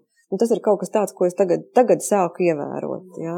Kas man tiešām ļoti pārsteidz, jo it kā vajadzētu būt pavisam pretēji. Nē, nē, nē, nē nu, mē- mēs mācāmies profesiju. Mēs mācāmies Mhm. lietas kārtot, Lietas sakārtot kārtot, lomu. jā. Bet, Zanda, nu kā ir tagad pirmais bērns no šī sarežģītā, sarežģītā kursa, ir, eh, ir tagad eh, izdarījis to, to bakalaura darbu? Kādas vispār izjūtas? Nu, viņi tūlīt pabeigs, eh, pagaid, Tur pabeigs. tagad to- par aktieru kursu. Nu, jā, par Jā. aktieru kursu. Viņi pabeigs. Ko tālāk? Vai ir kāda doma vēl kaut ko turpināt tādā uh, anarchistiskā virzienā, vai nē? Nē, nu, par, par pirmo, pirmo bērnu, nu, nu, protams, ka nu, par to ir bezgalīgs prieks uz, uz Madaru raugoties. Un, un šauba arī, arī nebija. Un tiešām es ļoti, ļoti priecājos un ceru, ka tālāk viss būs labi. Un, protams, jāskatās, kas notiks ar, ar, ar, ar to pārējo devumu. Bet uh, par tālāko, nu, man nepatīk, es nekad nerunāju par, par, Mm par -hmm. Tas iecerēm. nozīmē, ka ir ieceres. Vismaz, vismaz ieceres ir tas labi. tas Jo, labi. jo nu, es vēlreiz jums saku, nu, visu, visu nevar darīt tikai galvaspilsētā. Un mēs nepretendējam ne uz kaut kādu lielu apjomu. Mēs pretendējam tikai uz to, ka mēs šeit gribam pilnvērtīgi dzīvot un, un kaut ko darīt paši savas pilsētas, pilsētas labā. Nu, tāda, tāda varētu būt mana atbilde. Mhm. Mana arī. Par, par spīti vienkārši decentralizācijas dēļ. Jā, Tīri tikai tāpēc, lai viss nenotiek Rīgā. Arī šeit kaut kam ir jānotiek. pilnīgi Jā, un turklāt te jau ir tas, ko mums arī visu laiku skandina par to, ka nu, jā, tās vietējās reģionālās vajadzības, bet tas, tas ir aplami. Tas ir pilnīgi aplami. No vietējās reģionālās vajadzības mums tiešām vajag kaut kādu konkrētu darba spēku. Nu, tas, ir, tas ir skaidrs, jā, bet nu, man šķiet, ka Liepāja grib būt kaut kas vairāk nekā tikai vietējo reģionālo vajadzību apmierinātāju. Tieši Šķiet, tā. ka Turklāt gal galā mēs dzīvojam Latvijā, kur attālumi nu nav tik nepārvarami, Mm. vaiprātīgi, lai mēs tagad izliktos, ka šeit ir kaut kādi ā, lauki. nav. Ne, pat ja ir, Pat ja ir. Nu, jā. Tad, lai tie ir šosei vienkārši normāli var atbraukt. Jā, es, es redzu arī tādu, tādu tieksmi tagad eh, cilvēkiem mukt projām no Rīgas. Man liekas, ka tagad ar, ar visu, visu pandēmiju, kad, eh, kad eh, ļoti daudz kompānijas pamanījuši, ka viss var darīt attālināti, nu, tas arī kļūst tam citu es lasīju vienu pētījumu. Nē, galvenais jāteikt pāri tam, lai viņi nebrauc uz cēsīm. Cēsīs tiešām ir lauki, bet, nu, lai brauc uz pilsētu, uz liepāju. Jo ko var cēsīs darīt? Nu, smuki, bet tas arī viss. Bet es, es lasīju vienu pētījumu, kur tieši par šo bija rakstīts, ka, ka ļoti iespējams, ka pandēmija mums dos tieši to, ka, ka notiks tā atgriešanās perifērijā. un- Rasa neko mums pandēmija nedos. Nu, dod jau Nē, tagad. rasa nu. nedos. Oh, nu, bet, nu, Mēs visi, nu, tikai ņēmu. O, šī pandēmija liek mums domāt par to un to un to, un kā mums jāpadomā par to, kā mēs, kā mēs rīkojamies ar savu laiku, un varbūt iespējams nav viss tik svarīgi un tam līdzīgi. Un tad mums atlaiž tagad uh, atvaļinājumā, lai mēs varētu vasarā vienkārši rūkāt un, un, un izdarīt visu to, visu, mesties vēl trīsreiz lielākā skrejienā, lai vienkārši panāktu to riteni, ko mēs esam, no kur mēs esam atpalikuši. Nē, Nu, tas nav sarežģīts Pandēmija, pandēmija, nu jā, es arī piekrītu tam, ka tādas no dziļas ciešanas tiešām neko nedod. Bet kamēr mēs vēl tajās neesam, man būtu grēcīgi teikt, ka mēs tajās esam. Nu, tā, tā nav. Jo es, piemēram, varu uzskaitīt, es domāju, veselu virkni, ko man ir pandēmija devusi. Nu, es taču te mūžā nebūtu sākusi strādāt tiešsaistē un visādos tādos veidos, kā es tagad to daru. To nebūtu darījusi. Vēl daudz citas, citas prasmes. Tas, ko gal galā, ko aktieri domā par monologu rakstīšanu, ja? Un tas taču arī ir kaut kas tāds, un Liepājas teātris domā par monologām, vai ne? Jā. Mums jau Jā. trīs ir uztaisīts, tak, jāsāk nu spēlēt. tak, Nu, tāpēc es domāju, ka mēs, eh, jā, mēs labi apgūstam kaut ko jaunu. Varbūt mums tas nešķiet pašiem, ka tas ir tas īstais, tas vienīgais, bet mums šķiet, ka ir ļoti daudz, daudz labas lietas. Un, un kaut vai tas vien, ka nekas neapstājas, mēs esam radošas būtnes, un mēs, uz Zanda, vai tiešām nekas neapstājas? Nu, kaut kas jau Nu, man liekas, ka ir apstājas. diezgan daudz, kas Nu, ir, ir. apstājies. Nu, protams, mēs optimistiski mēģinām skatīties uz šo. Nu, Jo, man liekas, ka viss ir apstājies. Nu, tā kā Mums būs marts. apstājies. Marts būs uh, nu, ar, joprojām, protams, teātris diena, bet, bet ar atvaļinājumu teātrī. Tas arī Nē, mums nu, diezgan teikšu Tas tāpēc man arī nav nekāda prieka par atvaļinājumu. Šodien sāks atvaļinājums, bet uh, nu, rītdien neatšķirsies ne ar ko no šodienas vai vakardienas, jo es tāpat izrādes nespēlēju, un mēģinājumi ir beigušies. Nē, nu, protams, te, teātris, eh, mūzikas koncerti, nu, tās visas ir jomas, kas cieši, cieši bezgalīgi, un tas, tas, protams, ir ļoti sāpīgi. Bet, nu, re, rakstniecība kaut kā tāda īpatnēja joma. Jā, ļoti. Tā īstenībā sakot, ļoti pateicīgi, jo mums kā rakstniecība. Un, un būs kas raksta, un būs kas lasa, un to visu var darīt, un tas neapstāsies. Un, nu, tas, jā, bet par daudzām citām tur, tur es pilnīgi piekrītu. Nu, ir, ir bezgalīgi skumji arī nu, būt tajā tukšā zālē un skatīties, skatīties, kā cilvēkam ir pirmā lielā loma. Un, un ka tas ir pirmais lielais notikums viņa dzīvē. Un kā tas notiek? Tas ir tik nežēlīgi, bet tajā pašā laikā, nu jā, nu, daudz, daudziem tā ir, un tas no mums arī prasa kaut kādu, nu, kaut kādu rūdījumu. Nu, es vienmēr ticu, ka tas kaut ko dod. Nu, Mm. Es nezinu, tas nevar būt pilnīgi bezjēdzīgi. Ne, nu, gan jau, gan jau kaut ko mēs te iegūstam. Atgriežoties pie, es arī gribu pie kaut kā atgriezties, kā mēs epizodes sākumā visu laiku atgriezāmies. Uh, par, tie, par to rakstniecību un tam līdzīgi. Es uh, tikko izlasīju Andra Kalnozola romānu Mm. Kalendārs man sauc. Mm. Nu, to jūs esat izlasījuši. Vēl nē. Grēt vēl nē, bet Pa uh, Nu, pusē. būs izķeršana. Jā. Jau māsa topā. atver. trešais jaunais metiens, papildu metiens, un tur viss notiek. Un, un vienkārši brīnišķīgs romāns, sadriecošs. Jā, jā. Vienkārši wow! Un nākot uz šo sarunu, es- es nes- nespēju nedomāt par to, ka, ja tāda, nu labi, Andris Kalnozals vispār ir uh, atsevišķs sarunas vērts, un mums arī būs atsevišķa saruna droši vien kaut kad, bet uh, viņu droši vien viņam spārnus nevar apgriezt, un, un viņš ir brīvs putns, kurš lido pats, kur grib. Bet es iedomājos, viņš, ja viņš. Vai nav tā, ka rakstniecības studijas eh, apgriež spārnus? Nu, ka tev iemāca kaut kādas lietas, kas tevi ierobežo tavu kaut kādu. Lai Grēta dalās, viņai ir. Viņai ir Nu, ko viņi dalīsies? Te, te pat ir pieredze. Nē, nu, profesionāli. es- Jā, jā, nu, Nē, es- es pateikšu kaut ko Nē, nē, es sāku tikai ar to, ka es ļoti, ļoti ceru, ka nē, bet es vispār, nu, nu bet tā ir tāda man personiskā attieksme. Es vēl tagad tikko šī brīža beidzējiem teicu par viņu maģistra darbiem, kad viņi tur stāsta savus ieceres. Man tiešām vienmēr ir ļoti svarīgi nelaust, nelaust cilvēkus. Nu, bezgalīgi svarīgi. Es ceru, ka arī mani kolēģi līdzīgi to, uz, to uztver. Un, nu, es nezinu, Grēt, saka, kā tu to esi Tu izjutusi. vispār Varbūt es saproti, kļūdos. Kati, ko viņas tagad te runā par nelaušanu. Tu Es aktieris, saprotu, kur principā no pirmās tā dienas lauž. Es pabeidzu brutāli. profesiju, kur mani salauž līdz beigām, un tad taisno jauna, jo teātris tie ir noteikumi. Jā, un pa vidu vēl saka aizmirst visu, ko mēs tev iemācījām. Un tu esi nekas, un tad tev sāk būvēt. Es varu teikt no savas pieredzes, ka um, atšķirībā no dramaturgijas studijām, kurās es konkrēti esmu dzirdējusi, tas ir sūds, ko esi uzrakstījusi. Tad rakstniecībā tā nekad nav noticis. Uh, Rakstniecības studijās uh, es rakst, es rakstīju ļoti dažādu žanru, ļoti, dažādu stilu darbus par ļoti dažādām tēmām.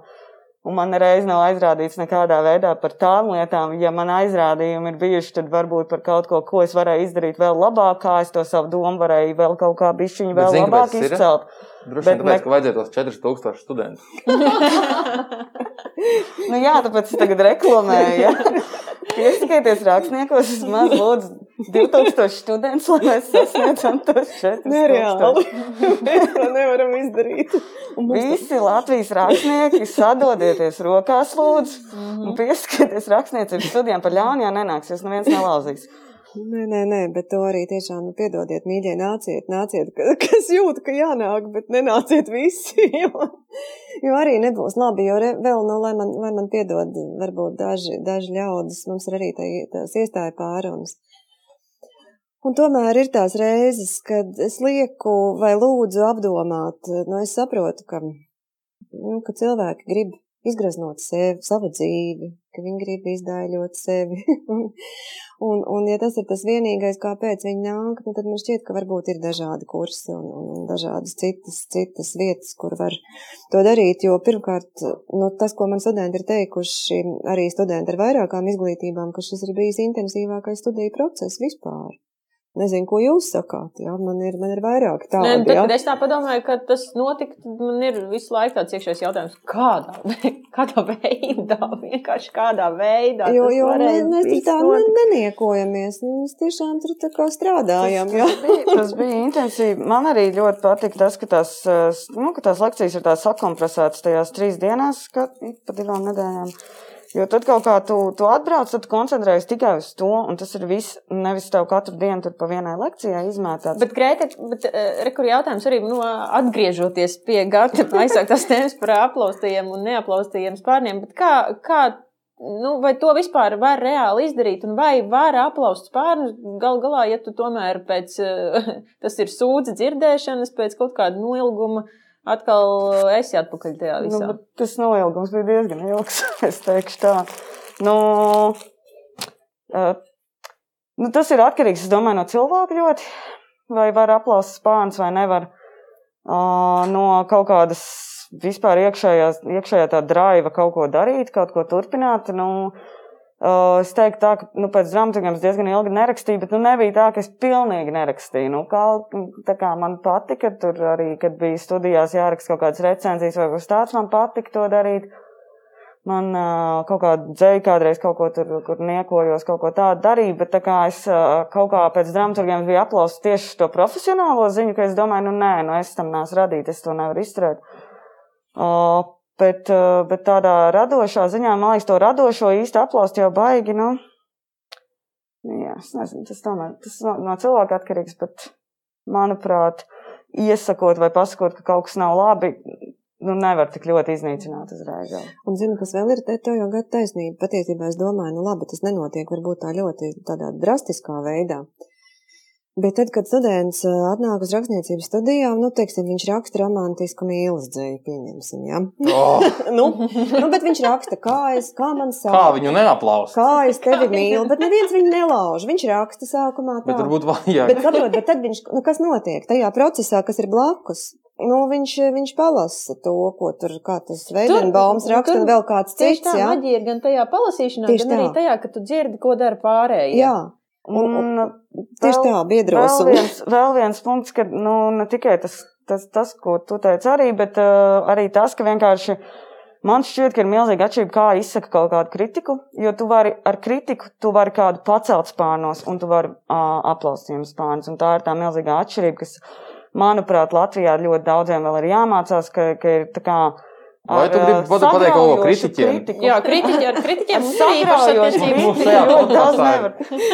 Nu, Attiecības ar kritiķiem. Varbūt ne par konkrētiem kritiķiem, bet vispār par to, to es nezinu, stilu, kā, kā cilvēki viens ar otru uh, socializējas. Ka, tā kā, manuprāt, sagraujoša kritika nevienam nenāk par labu, un sagraujoša kritika ir pilnīgi bezjēdzīga. Vajag, vajag, uh, ja tu redzi potenciālu cilvēkā, tad vajag nevis viņam teikt, šis ir slikti, bet viņam vajag teikt, Vispār. šis ir ok, bet tu vari labāk.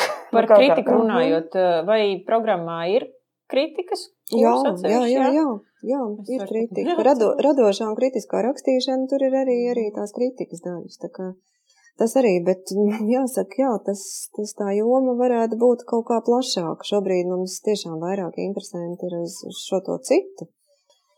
Bet ne uz šo, jo patiesībā tas arī ir bezgalīgi nepateicīgs darbs. Nu, es pat rakstu recenzijas, un es zinu, ko tas nozīmē. Kāds Tīpaši darbs ir mazā Latvijā, kur Kāds- būtībā nē, ir ļoti nē. liela iespēja satikt visus tos Nē, cilvēkus. par to man nav. Ne, es domāju, ka tur nu nav nekāda problēma. Es patiešām domāju, ka tur nav problēma. Bet problēma ir tajā, ka, lai tu to izdarītu labi, tev ir vienkārši jāiegulda ļoti ilgs laiks un darbs. Un, nu, protams, ka tas ir vienkārši tas nu, nekādā veidā neattaisnojas finansiālā ziņā. Bet tu to vari atkal, kā, nu, kā, kā, kā es uzskatu, daudz ko var darīt, tāpēc, ka tev tas patīk. Bet, bet par, par kritikām domāju, tas tiešām ir ļoti grūti un, un, un, un ļoti, ļoti uzmanīgam jābūt. Un tur jau arī nu, mēs visi mācāmies. Nu, tas nav tik viegli. Un, un ir, ir kaut kā arī tur jāsaprot, kur ir tā robeža un cieņa pret cita cilvēka darbu. Nu, piemēram, tagad es domāju, ka šodien rīt būs eh, mana recenzija par akmentiņu, akmentiņu romānu meklējot ezeriņu. Kad izlasu darbu un saprotu ārprāts, kādu, kādu darbu akmentiņš ir ieguldījis, ko viņš tur ir izdarījis, cik viņš zina desmitiem reižu vairāk nekā es. Man šķiet, nu, piedod akmentiņi, tie mani bērni šļupst, ko es varu uzrakstīt par to. Jā, nu tas ir vienkārši komiski. Man šķiet, ka kritiķim ir jāsāk arī no kaut kāda tāda, no tāda, nu, kaut kāda pietāta. Nu, zināms, paškritikas pret sevi. Jā, pret sevi. Tieši tā, kur ir tās robežas, ko tu vari izdarīt, nu, un kur tu īsti netiec, kur tu vienkārši cieni, cieni citu cilvēku darbu. No otras tā. puses, tur ir visi ieroči, tu esi Jā. kritiķis un Jā, tie ieroči gribas izmantot. Tu vari, bet Ir saka- īpaši, ja to vienu valdziņu dabū rokā, to Jā, vienu jā. vienīgo valdziņu. Un tur jau atkal ir jautājums par to, nu, vai tu gribi, nu, ko tu gribi darīt, vai tu gribi tagad parādīt, re, kāds esi gudrs, vai kāds esi atjautīgs un attapīgs. Un, un ļoti bieži ir kaut kāda pilnīgi pavirša sprieduma aiz tiem attapīgajiem izteicieniem. Nu, tas arī ir atšķirīgs mērķis, nu, vai tu, vai tu gribi, gribi saprast, kas tajā, kas tajā darbā ir. Un, un palīdzēt lasītājiem ļoti bieži. Man šķiet, ka tas ir ļoti svarīgi. Jā. Palīdzēt lasītājiem uztvērējiem. Jā, jo viņam ļoti bieži ir vajadzīgs tas, tas nu, kaut kāds ceļš stabiņš, pie kā pieturēties. Ā, šito, nu, es nepadomāju, nu, ļoti labi, tagad es tur ieraugu kaut ko vairāk. Zinu, ka tas ir tas, varbūt, tas galvenais uzdevums, nu, nebija jau iedzīt kādu, kādu zemē. Kā jūs darat? Jūs, kurš no jums jūs lasat pirms tam kaut, kādu, kaut kādas recenzijas, piemēram, grāmatām, un tad grāmatu vai otrādi? Es nelasu. Es gan, gan. grāmatām. Es visādi daru. Man, man, ir, man, ir, man ir bijuši arī gadījumi, kad es, piemēram, izlasu kaut kādu recenziju, kas ir ļoti noraidoša, un tad man liekas, nu, nevar būt. Nu, es par spīti ņemšu un izlasīšu, un, un kaut kā mēģināšu saprast, vai es piekrītu vai nepiekrītu. Nu, kaut kā es cenšos nepiekrist uzreiz. Es, eh, jo es lasu recenzijas diezgan daudz, tīpaši sākot no brīža, kad es pārcēlos uz Liepāju, gan izrādēm, gan grāmatām, jo man, eh, man patīk. Man patīk lasīt recenzijas, bet, eh, bet es vienmēr cenšos būt tādā uh, dialogā ar to recenziju jau no paša sākuma. Nevis tad, oh, nu jā, viņi uzraksta slikti, un tad es vairs nelasīšu to. Es, ne, jo tad es saprotu, ka droši vien kāds tā dara arī. ar Nē, es drīzāk- tāpēc aģentūru noskatījos, jo bija tās recenzijas Aha. kaut kādas sliktās. Es domāju, nu, bet es gribu zināt, vai tā Jā, jā, tiešām kā ir tad vai ir? nav. Nu, kā tev liekas, vajag Man- teātriem man taisīt seriālus vai nevajag? Man, li, man likās, ka tās recenzijas nebija labi uzrakstītas pēc tam, kad noskatījos seriālu. Uh, kā, nu, kas tas par jautājumu vajag vai nevajag? Nu, es, tas, tas jau, to jau nevar spriest no, no šī viena seriāla. Bet uh, vispār man, man, man tas seriāls izklaidēja. Kā es, es esmu par uh, kaut kā citādāk pārgrozīties tajā brīdī, redzi. kamēr, kamēr nevar izrādīt. Alus uztais mākslu, bet Grēta tikai izklaidēja. Kā, vai, kāpēc māksla nedrīkst būt izklaidējuša? Mākslā jābūt ir no tādai, tādai ļoti. Nu, tu nepadomāji. Bet man liekas, ka tas vismaz atbilst viņu tiem ētika, ētikas kaut Jā, jā, kādiem tiem principiem. Oi, tie. Nu, Stop, mikropauze, aizjām līdz labai rīcībām un, un, un pēc tam paturpinam.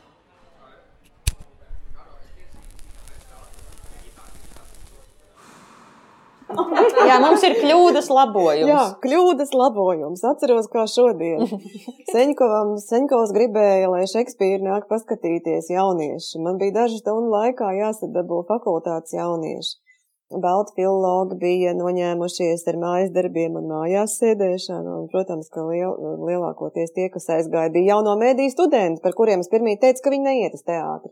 Sanāk, ka balti filologi tādi kā nūģi, Nu, nu, nu, nu, mēs jau zinām, ka ir Latvijā šī, šī, šis te sauklis, La- Latvijas literačā ir sauklis ēma introverts. Tad, tad rakstnieks ir introverts. Jā, un nu, to ir- precīzāk un, un tas patiešām tā ir. Jo nu, es, es patiešām varu dalīties pieredzē par to, ka ja mēs 1. septembra nedēļā tu ieej pie baltu filologiem, tad tur būs kapa klusums. Visi sēdēs atstati viens no otra. Tikpat labi izskatās rakstniecības studijās. Bet es atvainojos, atvainojos man stereotips, bet arī pārsvarā meitenes, vai ne? Jā, bet pa kādam puisim ir. Jā, nu tie ir tie drosmīgie vīrieši, kur patiešām ir, ir kuriem nav bail no stereotipiem. Nu, stu, studē jau vispār Latvijā vairāk Jā, meitenes vispār. protams, protams. Statistiski Arī, arī daudz visās, vairāk. patiesībā jau visās studiju programmās, ja mēs tā skatāmies, no aktieru mākslā tik paņem puses puses, bet visur taču meitenes ir vairāk. Ja tās nav profesionālās, dzīvei derīgās studiju programmas, tehnika. kur vīrietis var nopelnīt naudu, kur viņš skaidri zina, ka rezultātā viņš dabūs tādu un tādu kvalifikāciju, un viņam būs iespējams tāda un tāda alga. Es nezinu, kā man šo te komentēt un reaģēt. Nē, Ko tu Jā, dari? to ir tiešām jārunā, jo, jo tas ir traģiski. Tas ir tiešām Nu, tas ir, traģiski. Tas tas nozīmē, ka, ka mums mūsu valstī absolūti nav sakārtot kaut kāda vērtību sistēma, un ka mums ir tas, tas darba spēks pirmajā vietā. Un, un, un es saprotu vīrieti, es saprotu vīrieti. Viņam ir jādomā par to, kā, kā viņš uzturēs sevi un ģimeni. Un, Un, ja kaut kāda joma prestižs ir pietiekami zems, tad viņš vienkārši tajā jomā neies. Viņš baidīsies tajā iet. Un tas ir kopējās sabiedrības jautājums, kāpēc tas tā ir. Tā ir tāda ļoti nopietna problēma, tiešām, ko mēs te aizskārām. Nu tā. Bet es varētu teikt par mūsu kursu, ka nu, man šķiet, ka mums tur puses puses dalījās tie ekstraverti un introverti, atgriežoties pie tiem introvertiem rakstniekiem. Man liekas, ka nu, nemaz jau tā, nemaz vienmēr nav. Jo citādi man liekas, ka es nevarēšu būt nekad rakstnieks, jo es esmu diezgan izteikti ekstraverti. Un tad, jā, nu, man liekas, ka kā, tas ir tāds tomēr arī stereotips. Ka, nu, tad, Nu, tas ir stereotips. Vienmēr tomēr bet lielākā daļa tomēr, tomēr ir. Nu, ra- rakstniecības studijās pilnīgi noteikti. Es jau zinu, kā šodien 201. auditorijā viss sēž. It kā būtu pandēmija, Jau no pirmās dienas. Jau no pirmās dienas, jau, jau, gadiem. jau pirms desmit gadiem, it kā Tas būtu gan, pandēmija, un turklāt lielākoties melnā. Jā, tas arī ir tāds ļoti savdabīgs kaut kāds vērojums. Jā, Nu, jā. Mēs, mēs staigājam tiešām melnās drēbēs. Tā ir. Tā ir. Jā, tā, tā Mums, ir. mums viena pasniedzēja pat aizrādīja, ka vajag sarkanu vilkt, lai būtu enerģija vairāk. Mēs bijām pārāk pasīvi. Bet mums jau vajag sūkt no citiem to ne? enerģiju. Mums jau Nē, nē, viņi teica, ka vajag to sarkanu uzvilkt, lai to enerģiju varētu labāk varbūt izsūkt. Es nezinu.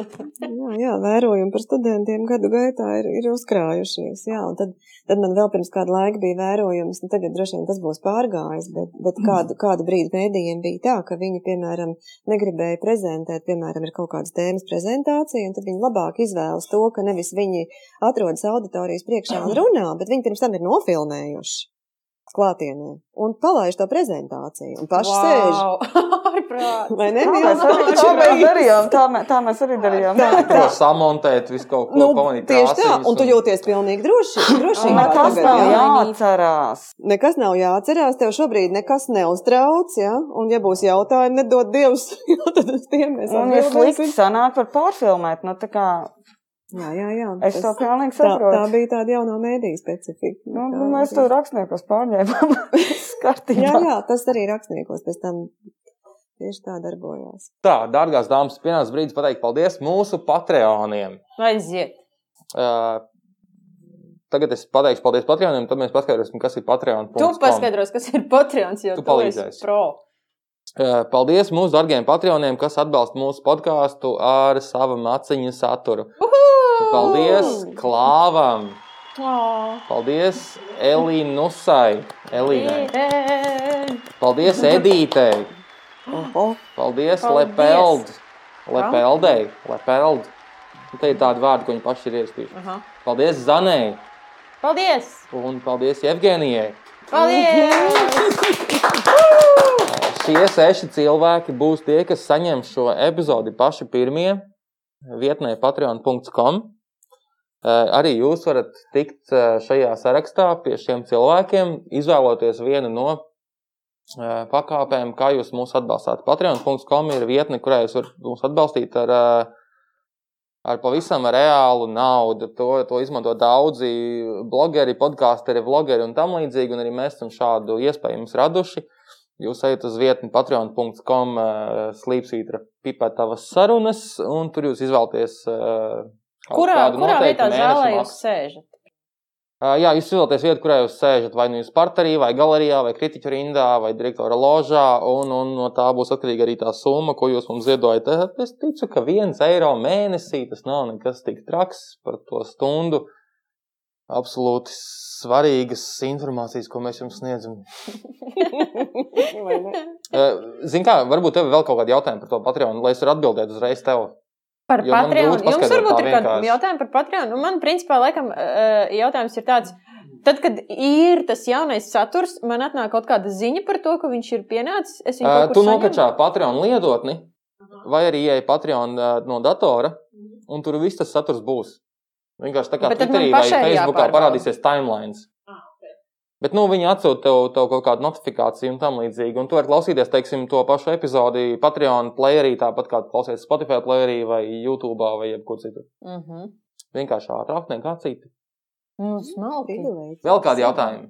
Vai ir vēl, kā, piedod, vai ir vēl kaut kāda bonus paredzēta? šim? Bonusi ir paredzēti, atļaujiet, es atvēršu tūlīt to patreon.com un jums uzreiz eh, te ir sadalīts viss pa pakāpītēm, bet, eh, bet, bet, bet, bet, bet jā, eh, Nu, var sakot, tas, ko es gribēju dzirdēt no gada. katram patronam būs pateicība titros. Jā, Katrs patrons dabūs agrāku epizodi nekā vispārējie. Eh, Katrs, ne visi patroni, bet lielākā daļa patronu piedalīsies arī ielūguma izlozē, tad, kad teātris būs vaļā. Ja pašlaik, kā mēs tikko noskaidrojām, ir seši patroni, tad jūsu iespējamība iegūt ielūgumu uz teātri ir visai liela. Nu, un tā, un mēs vēl, vēl kaut ko domāsim. Nu, mēs mūžīgi pateicību un cieņu jums, patroniem. totāli, absolūti. Bet tad uh, visā, visās, vi- jebkuru vietu, kuras izvēlos, vai ložā, vai galerijā, vai kur tur, uh, tie visi bonusi ir vienādi. Bonus ir dažādi, tu ieies tajā sa Ok. saitē, apstīsies un tam līdzīgi, bet uh, plus mīnus, visu var sarunāt gal galā. Var ziedot arī tikai vienu reizi, manuprāt, un pēc tam izslēgt. Nu, ja patīk kāda saruna, noziedot vienu reizi, ne, Jā. vairs nepatīk, izslēdz to visu ārā. Nu tā, kaut kā tā. Nu, un jo lielāks būs atbalsts, jo vairāk mēs centīsimies, protams. Jūsu cenšanās no tā ir atkarīga. Ja, Totāli, tas no tā atkarīgs, cik, cik daudz balzām būs viesiem pieejams un un mums pašiem. Paldies. Tā, mēs varam turpināt. Paldies par balzām. Jā. Ko vēl gribētu pajautāt? Tūlīt izdomāsim. Nu, man laikam interesē vēl viena lieta, ko es gribu Grētē paprasīt par konkrēto lugu un par, eh, par varbūt ne tik daudz par sižetu, bet par tēmu, varbūt kā tu līdz tādai nonāci. Un, un, Pagaid, a, to lūgu reāli kāds iesudēs slēpēs teātrī? Nu, tā kā mums šobrīd ir tāds kataklizmas posms, kad, Kas eh, ir noticis? kad ir noticis atvaļinājums martā negaidīts un tā tālāk. Tad, eh, diemžēl, visi sākotnējie plāni ir arī mainījušies, bet, jā, ir eh, runa eh, par iespējām, un jau ar konkrētiem arī dažiem režisoriem tiek aizsāktas sarunas par to, ka uzvarējušās lūgas tiks iestudētas secīgi, sākot no 2022. gada. Tā kā tas viss notiks, un reku, 2021. jau ir, nu, ceturdaļa nolauzis. Jā. Tā kā drīz tu raksti tempā. Bet Ok. par to tēmu. Man lūdzu konkrēti deadline. Es parasti uzrakstu tieši pirms deadline, tā kā pasaka ātrāk nekā vajag. Nu, gad, ja ir kāds saproti, datums nu, prātā, tad Ja, tas drama, vajag ja dramaturgs ir dzīves, un. Rasam neļaus samelot, ja dramaturgs ir dzīves, tad mēs to tekstu lokām un čakarējam, kā mēs gribam. Jo es jau lasīju tagad tavu lūgu, Viņam jau ir pirmā saime. un Leonīds Ok. saka, uh, kāds augstums. Neviens nesaka, uh, kāds augstums. Leonīcā saka, bet ok, jūs. Tas tā uh, nestrādā. you do bet- you, un, tā un, kā- ar to šo rēķinies, ka aktieri vienkārši sāks nu, to tavu Nu, tekstu. tad varbūt man nav jēgas nemaz rakstīt vārdus. Es uzrakstīšu vienkārši aptuvenu tā kā vīziju. wow. tā kā- Redz, tas tā kā viņiem. Leonīds Tas mums arī- mums vajag tekstu, pie kā Leonīds turēties. drab visu. Viņš var Mums vajag tekstu, pie kā turēties un ko mainīt. Aktieri ir tāds Nu, cimperlīgs gads būtnes. Saka? Nu, labi, labi. uh, kāds augstums. Kā Uh, saka? nu, tur var visādas lamu vārdus iekļaut. Tur var teikt, eh, kāds Jā. augsts, bet nu, Kāds Bet es augstums. esmu Jā. saka, uh, Bet, bet par, bet par šādu nopūtu pierakstīšanu arī tas ir, tas ir, tā ir arī laba tēma. Jo, nu, tu, protams, var izmantot remarku un uzrakstīt nopūšās, bet tas arī nestrādā vienmēr, jo tad viņi arī lasījumos parasti taisa visus tos. Oh, oh, Nē, skaidrs, ka, ja, saprotu, ja dramaturgs ir vajag klāt pievienot- lūgas lasījumā, tad pat dramaturgi tiek, nu, mēs mirgājamies. Jā, gatavojies. Tas, ko tu man saki, ir, ka man vajag pievienot vairāk lamu vārdus. Tas ir tas, ko es dzirdēju. Tur jau bija vairāk Vai lamu vārdu, vairāk lamu vārdu? Tur jau bija diezgan daudz. Okay. Re, tur jau bija diezgan daudz priekš Okay, latviešu tad ir- lūgas, ir tā kā okay, jā. jau diezgan Ir daudz. okay. Un tas nebija kaut kas tāds. Bet to es tagad noteikti tur iekļaušu. Vēl to micīnu būs tas, ir, ko sāksiet ceturtā. Tie ir aina. tādi pavisam Jā. mūsdienīgi. Mums šeit ir rubrika, dāmas. Bet uh, atgriežoties pie rases jautājumu vispār. Par Kur par vairs ko- interesē tas jautājums? kur es vairs arī neatceros. Tad es varu turpināt. Jā, aiziet. Turpin. Mēs ā, lūdzam šīs epizodes viesiem ieteikt nākamos epizodes viesus. Varbūt jums ir kāds viesis, ko jūs vēlētos, nu, kuram vajadzētu izbaudīt šīs Hellas smokas. Stumiet zem vilciena.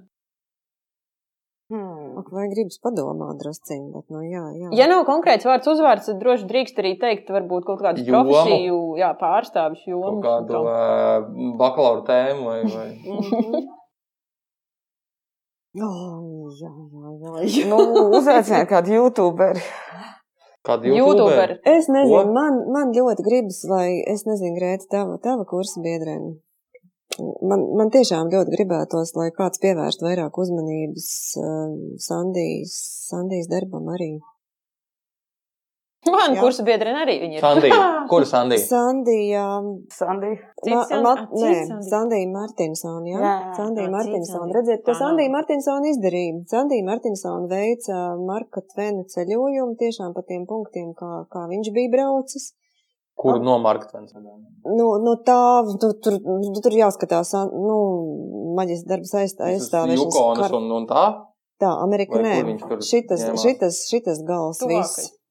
Šitas viss Eiropas gals, eh, bet viņi drusciņi apstādināja pašās beigās eh, Covid, bet principā viņi to visu izdarīja. Un, un ko, ko viņi ar to darīja? Viņi paņēma eh, Marka Tvena pierakstu, ceļojuma piezīmes un veica savus piezīmes, rakstīja blogu.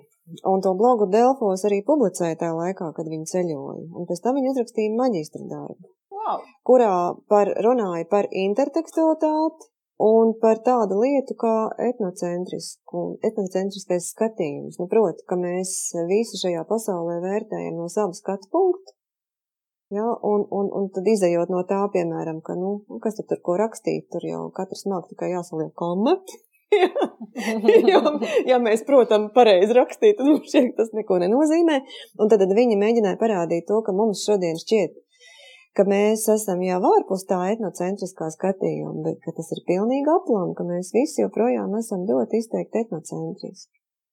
Nu, un Sandija ļoti interesanti pieredze. Pirmkārt, gan pats ceļojums, otrkārt, bloga rakstīšana, treškārt, maģis darba aizstāvēšana. Nu, tā, nu, es nezinu, tā ir Izklausās labi. Tātad mums jāiegūlē uh, Sandija Martinsone. Sandija Martinsona, jā. Okay. Tiks darīts. Mēs nekad neapsolam, ka mēs uzaicināsim uz Jā. podkāstu. Par bet, nu, runājot, nu es nezinu, vai viņš skaitās YouTube, viņš laikam neskaitās YouTube, bet Jānis Krīvēns, ja tu tur esi, tagad ir iemesls viņu ietekot, tad uh, mums ir aicinājums tevi uzaicināt uz Pāļu bazaru Gatu Maliku.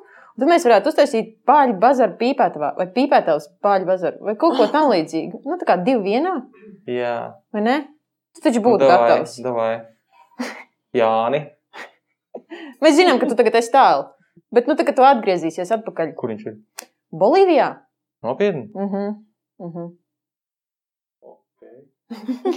Jo visus šobrīd valdina ceļojumi. Ak, vai, kad mēs ar studentiem runājam tagad par lielo Getsbiju, viņi vienkārši ģīpst, viņi, oh, ballītes! vai par karoka ceļā, ā, braukt, vienkārši Jā. braukt, cik skaisti.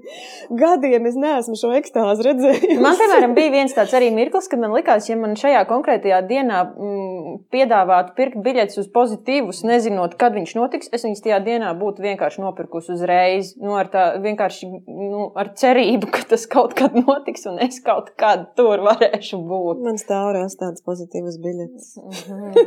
Dīvaini sajūta. Jā.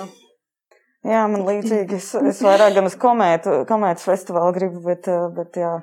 Nu, arī festivālu. tāpat, jā, Dodiet festivālu. Padējot.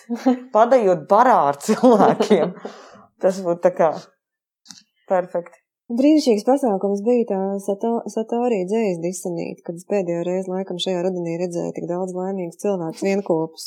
Lielajā dzinterā, kas bija mākslas, mākslas fórumā. Un patiešām man bija arī, es pilnīgi skaidri sapratu, kas sekos. Es arī tur biju, un tur netika ievērot nekādi noteikumi. Nekādi noteikumi, bet tur, bet tur bija tik daudz laimīgu cilvēku. Un man, man tiešām fascinēja tā sajūta, ka tu skaidri zini. Nu, es, piemēram, skaidri sapratu, kas būs, un es domāju, ka visi to tā sajūta. Un... Nu, man personiski Tāda. liekas, ka, piemēram, šovasar, ja notiks Valmieras teātris festivāls, viņu vienkārši apgāzīs riņķī pilnīgi tā, ka nu, pa vīlēm tur šķīdīs. Es nezinu, man liekas, ka cilvēki jūgs prātā. Jo tas būs ārā, pirmkārt, nu, tā, kā drošības sajūta kaut kāda zinām būs. Jā, nu, jā. Bet man šķiet, ka te ir, te ir tā viena, gads pirmie tik ļoti skeptisks bija, man šķiet, ka te ir tā viena labā lieta. Nu, mēs sakām cilvēku jūkas prātā, nu gan jau jūkas prātā arī izējot vispār ārpus, bet man liekas, ka tur ir kaut kāda pievienotā, pievienotā vērtība, ka tur ir kaut kāda īpašā tā kopības sajūta un tas, ko mēs jau vairs nejust apmeklējot ikgadējo pozitīvus festivālu, ikgadējo teātra festivālu un tā tālāk. Nu, tur, tur kaut kāds Nu, jā, galvenais droši vien, lai tas viss vienkārši izdzīvo līdz tam brīdim, kad to drīkstēs. Izdzīvos, bet, protams, ka izdzīvos. Nu, bet padomājiet, ja še, Šekspīra, Šekspīra laikā, tad, kad bija tas lielais bums ar visiem teātriem un visa Londona pilna publiskiem teātriem un nekārtības apkārt un, un, un, un jā, tas viss jāuzrauga un, un jāmēģina kaut kādās kārtības robežās ieviest un, un pēc tam ir teātra aizliegums, nu, vai tad teātris tāpēc ir iznīcis, nu, nē. Aizliegumi jau tikai pastiprina vēlmi. Nu, jā, bet kā- gadi gan paiet. Gan, gan, un vēl ir viena, ko, par ko es domāju tagad šo te jauno līgavu skatoties, kur tas formāts viss ir tāds, ka, ka ir, um, ir, um, nu, tur pēc tam radās tie privātie teātri, kur savukārt tas ir elitāri, ka nav vairs tā, tā nav vairs tā demokrātiskā māksla. Nu, ka tas ceļš droši vien tāds tagad būs. Mhm. Ja mēs Tagad vienkārši tikai īpašie cilvēki ies uz teātri. īpašie cilvēki un dārgi. Bāc. Un kaut kāds. Nu, kaut kas atsauktos uz aktieru maciņiem. Mm, Tad jā. man nav iebildumu. Nu, jā, jā, bet tas atkal tāds process, domāju, ka nu, kaut, kaut kā tā tam ir jābūt. Jo... Nu, kamēr valsts mūs dotē, tikmēr jau būs ok. Valsts mūsu. Bučs kultūras ministrijai un, nu, paldies laikam. Arī izglītības ministrijai, Bučas un visām pārējām ministrijām. Un tiekamies Saudzējiet pēc mūsu, kāda. saudzējiem sevi visu. Jā, tiekamies pēc kāda laika. Nu, paldies! Paldies! Tā. Yes.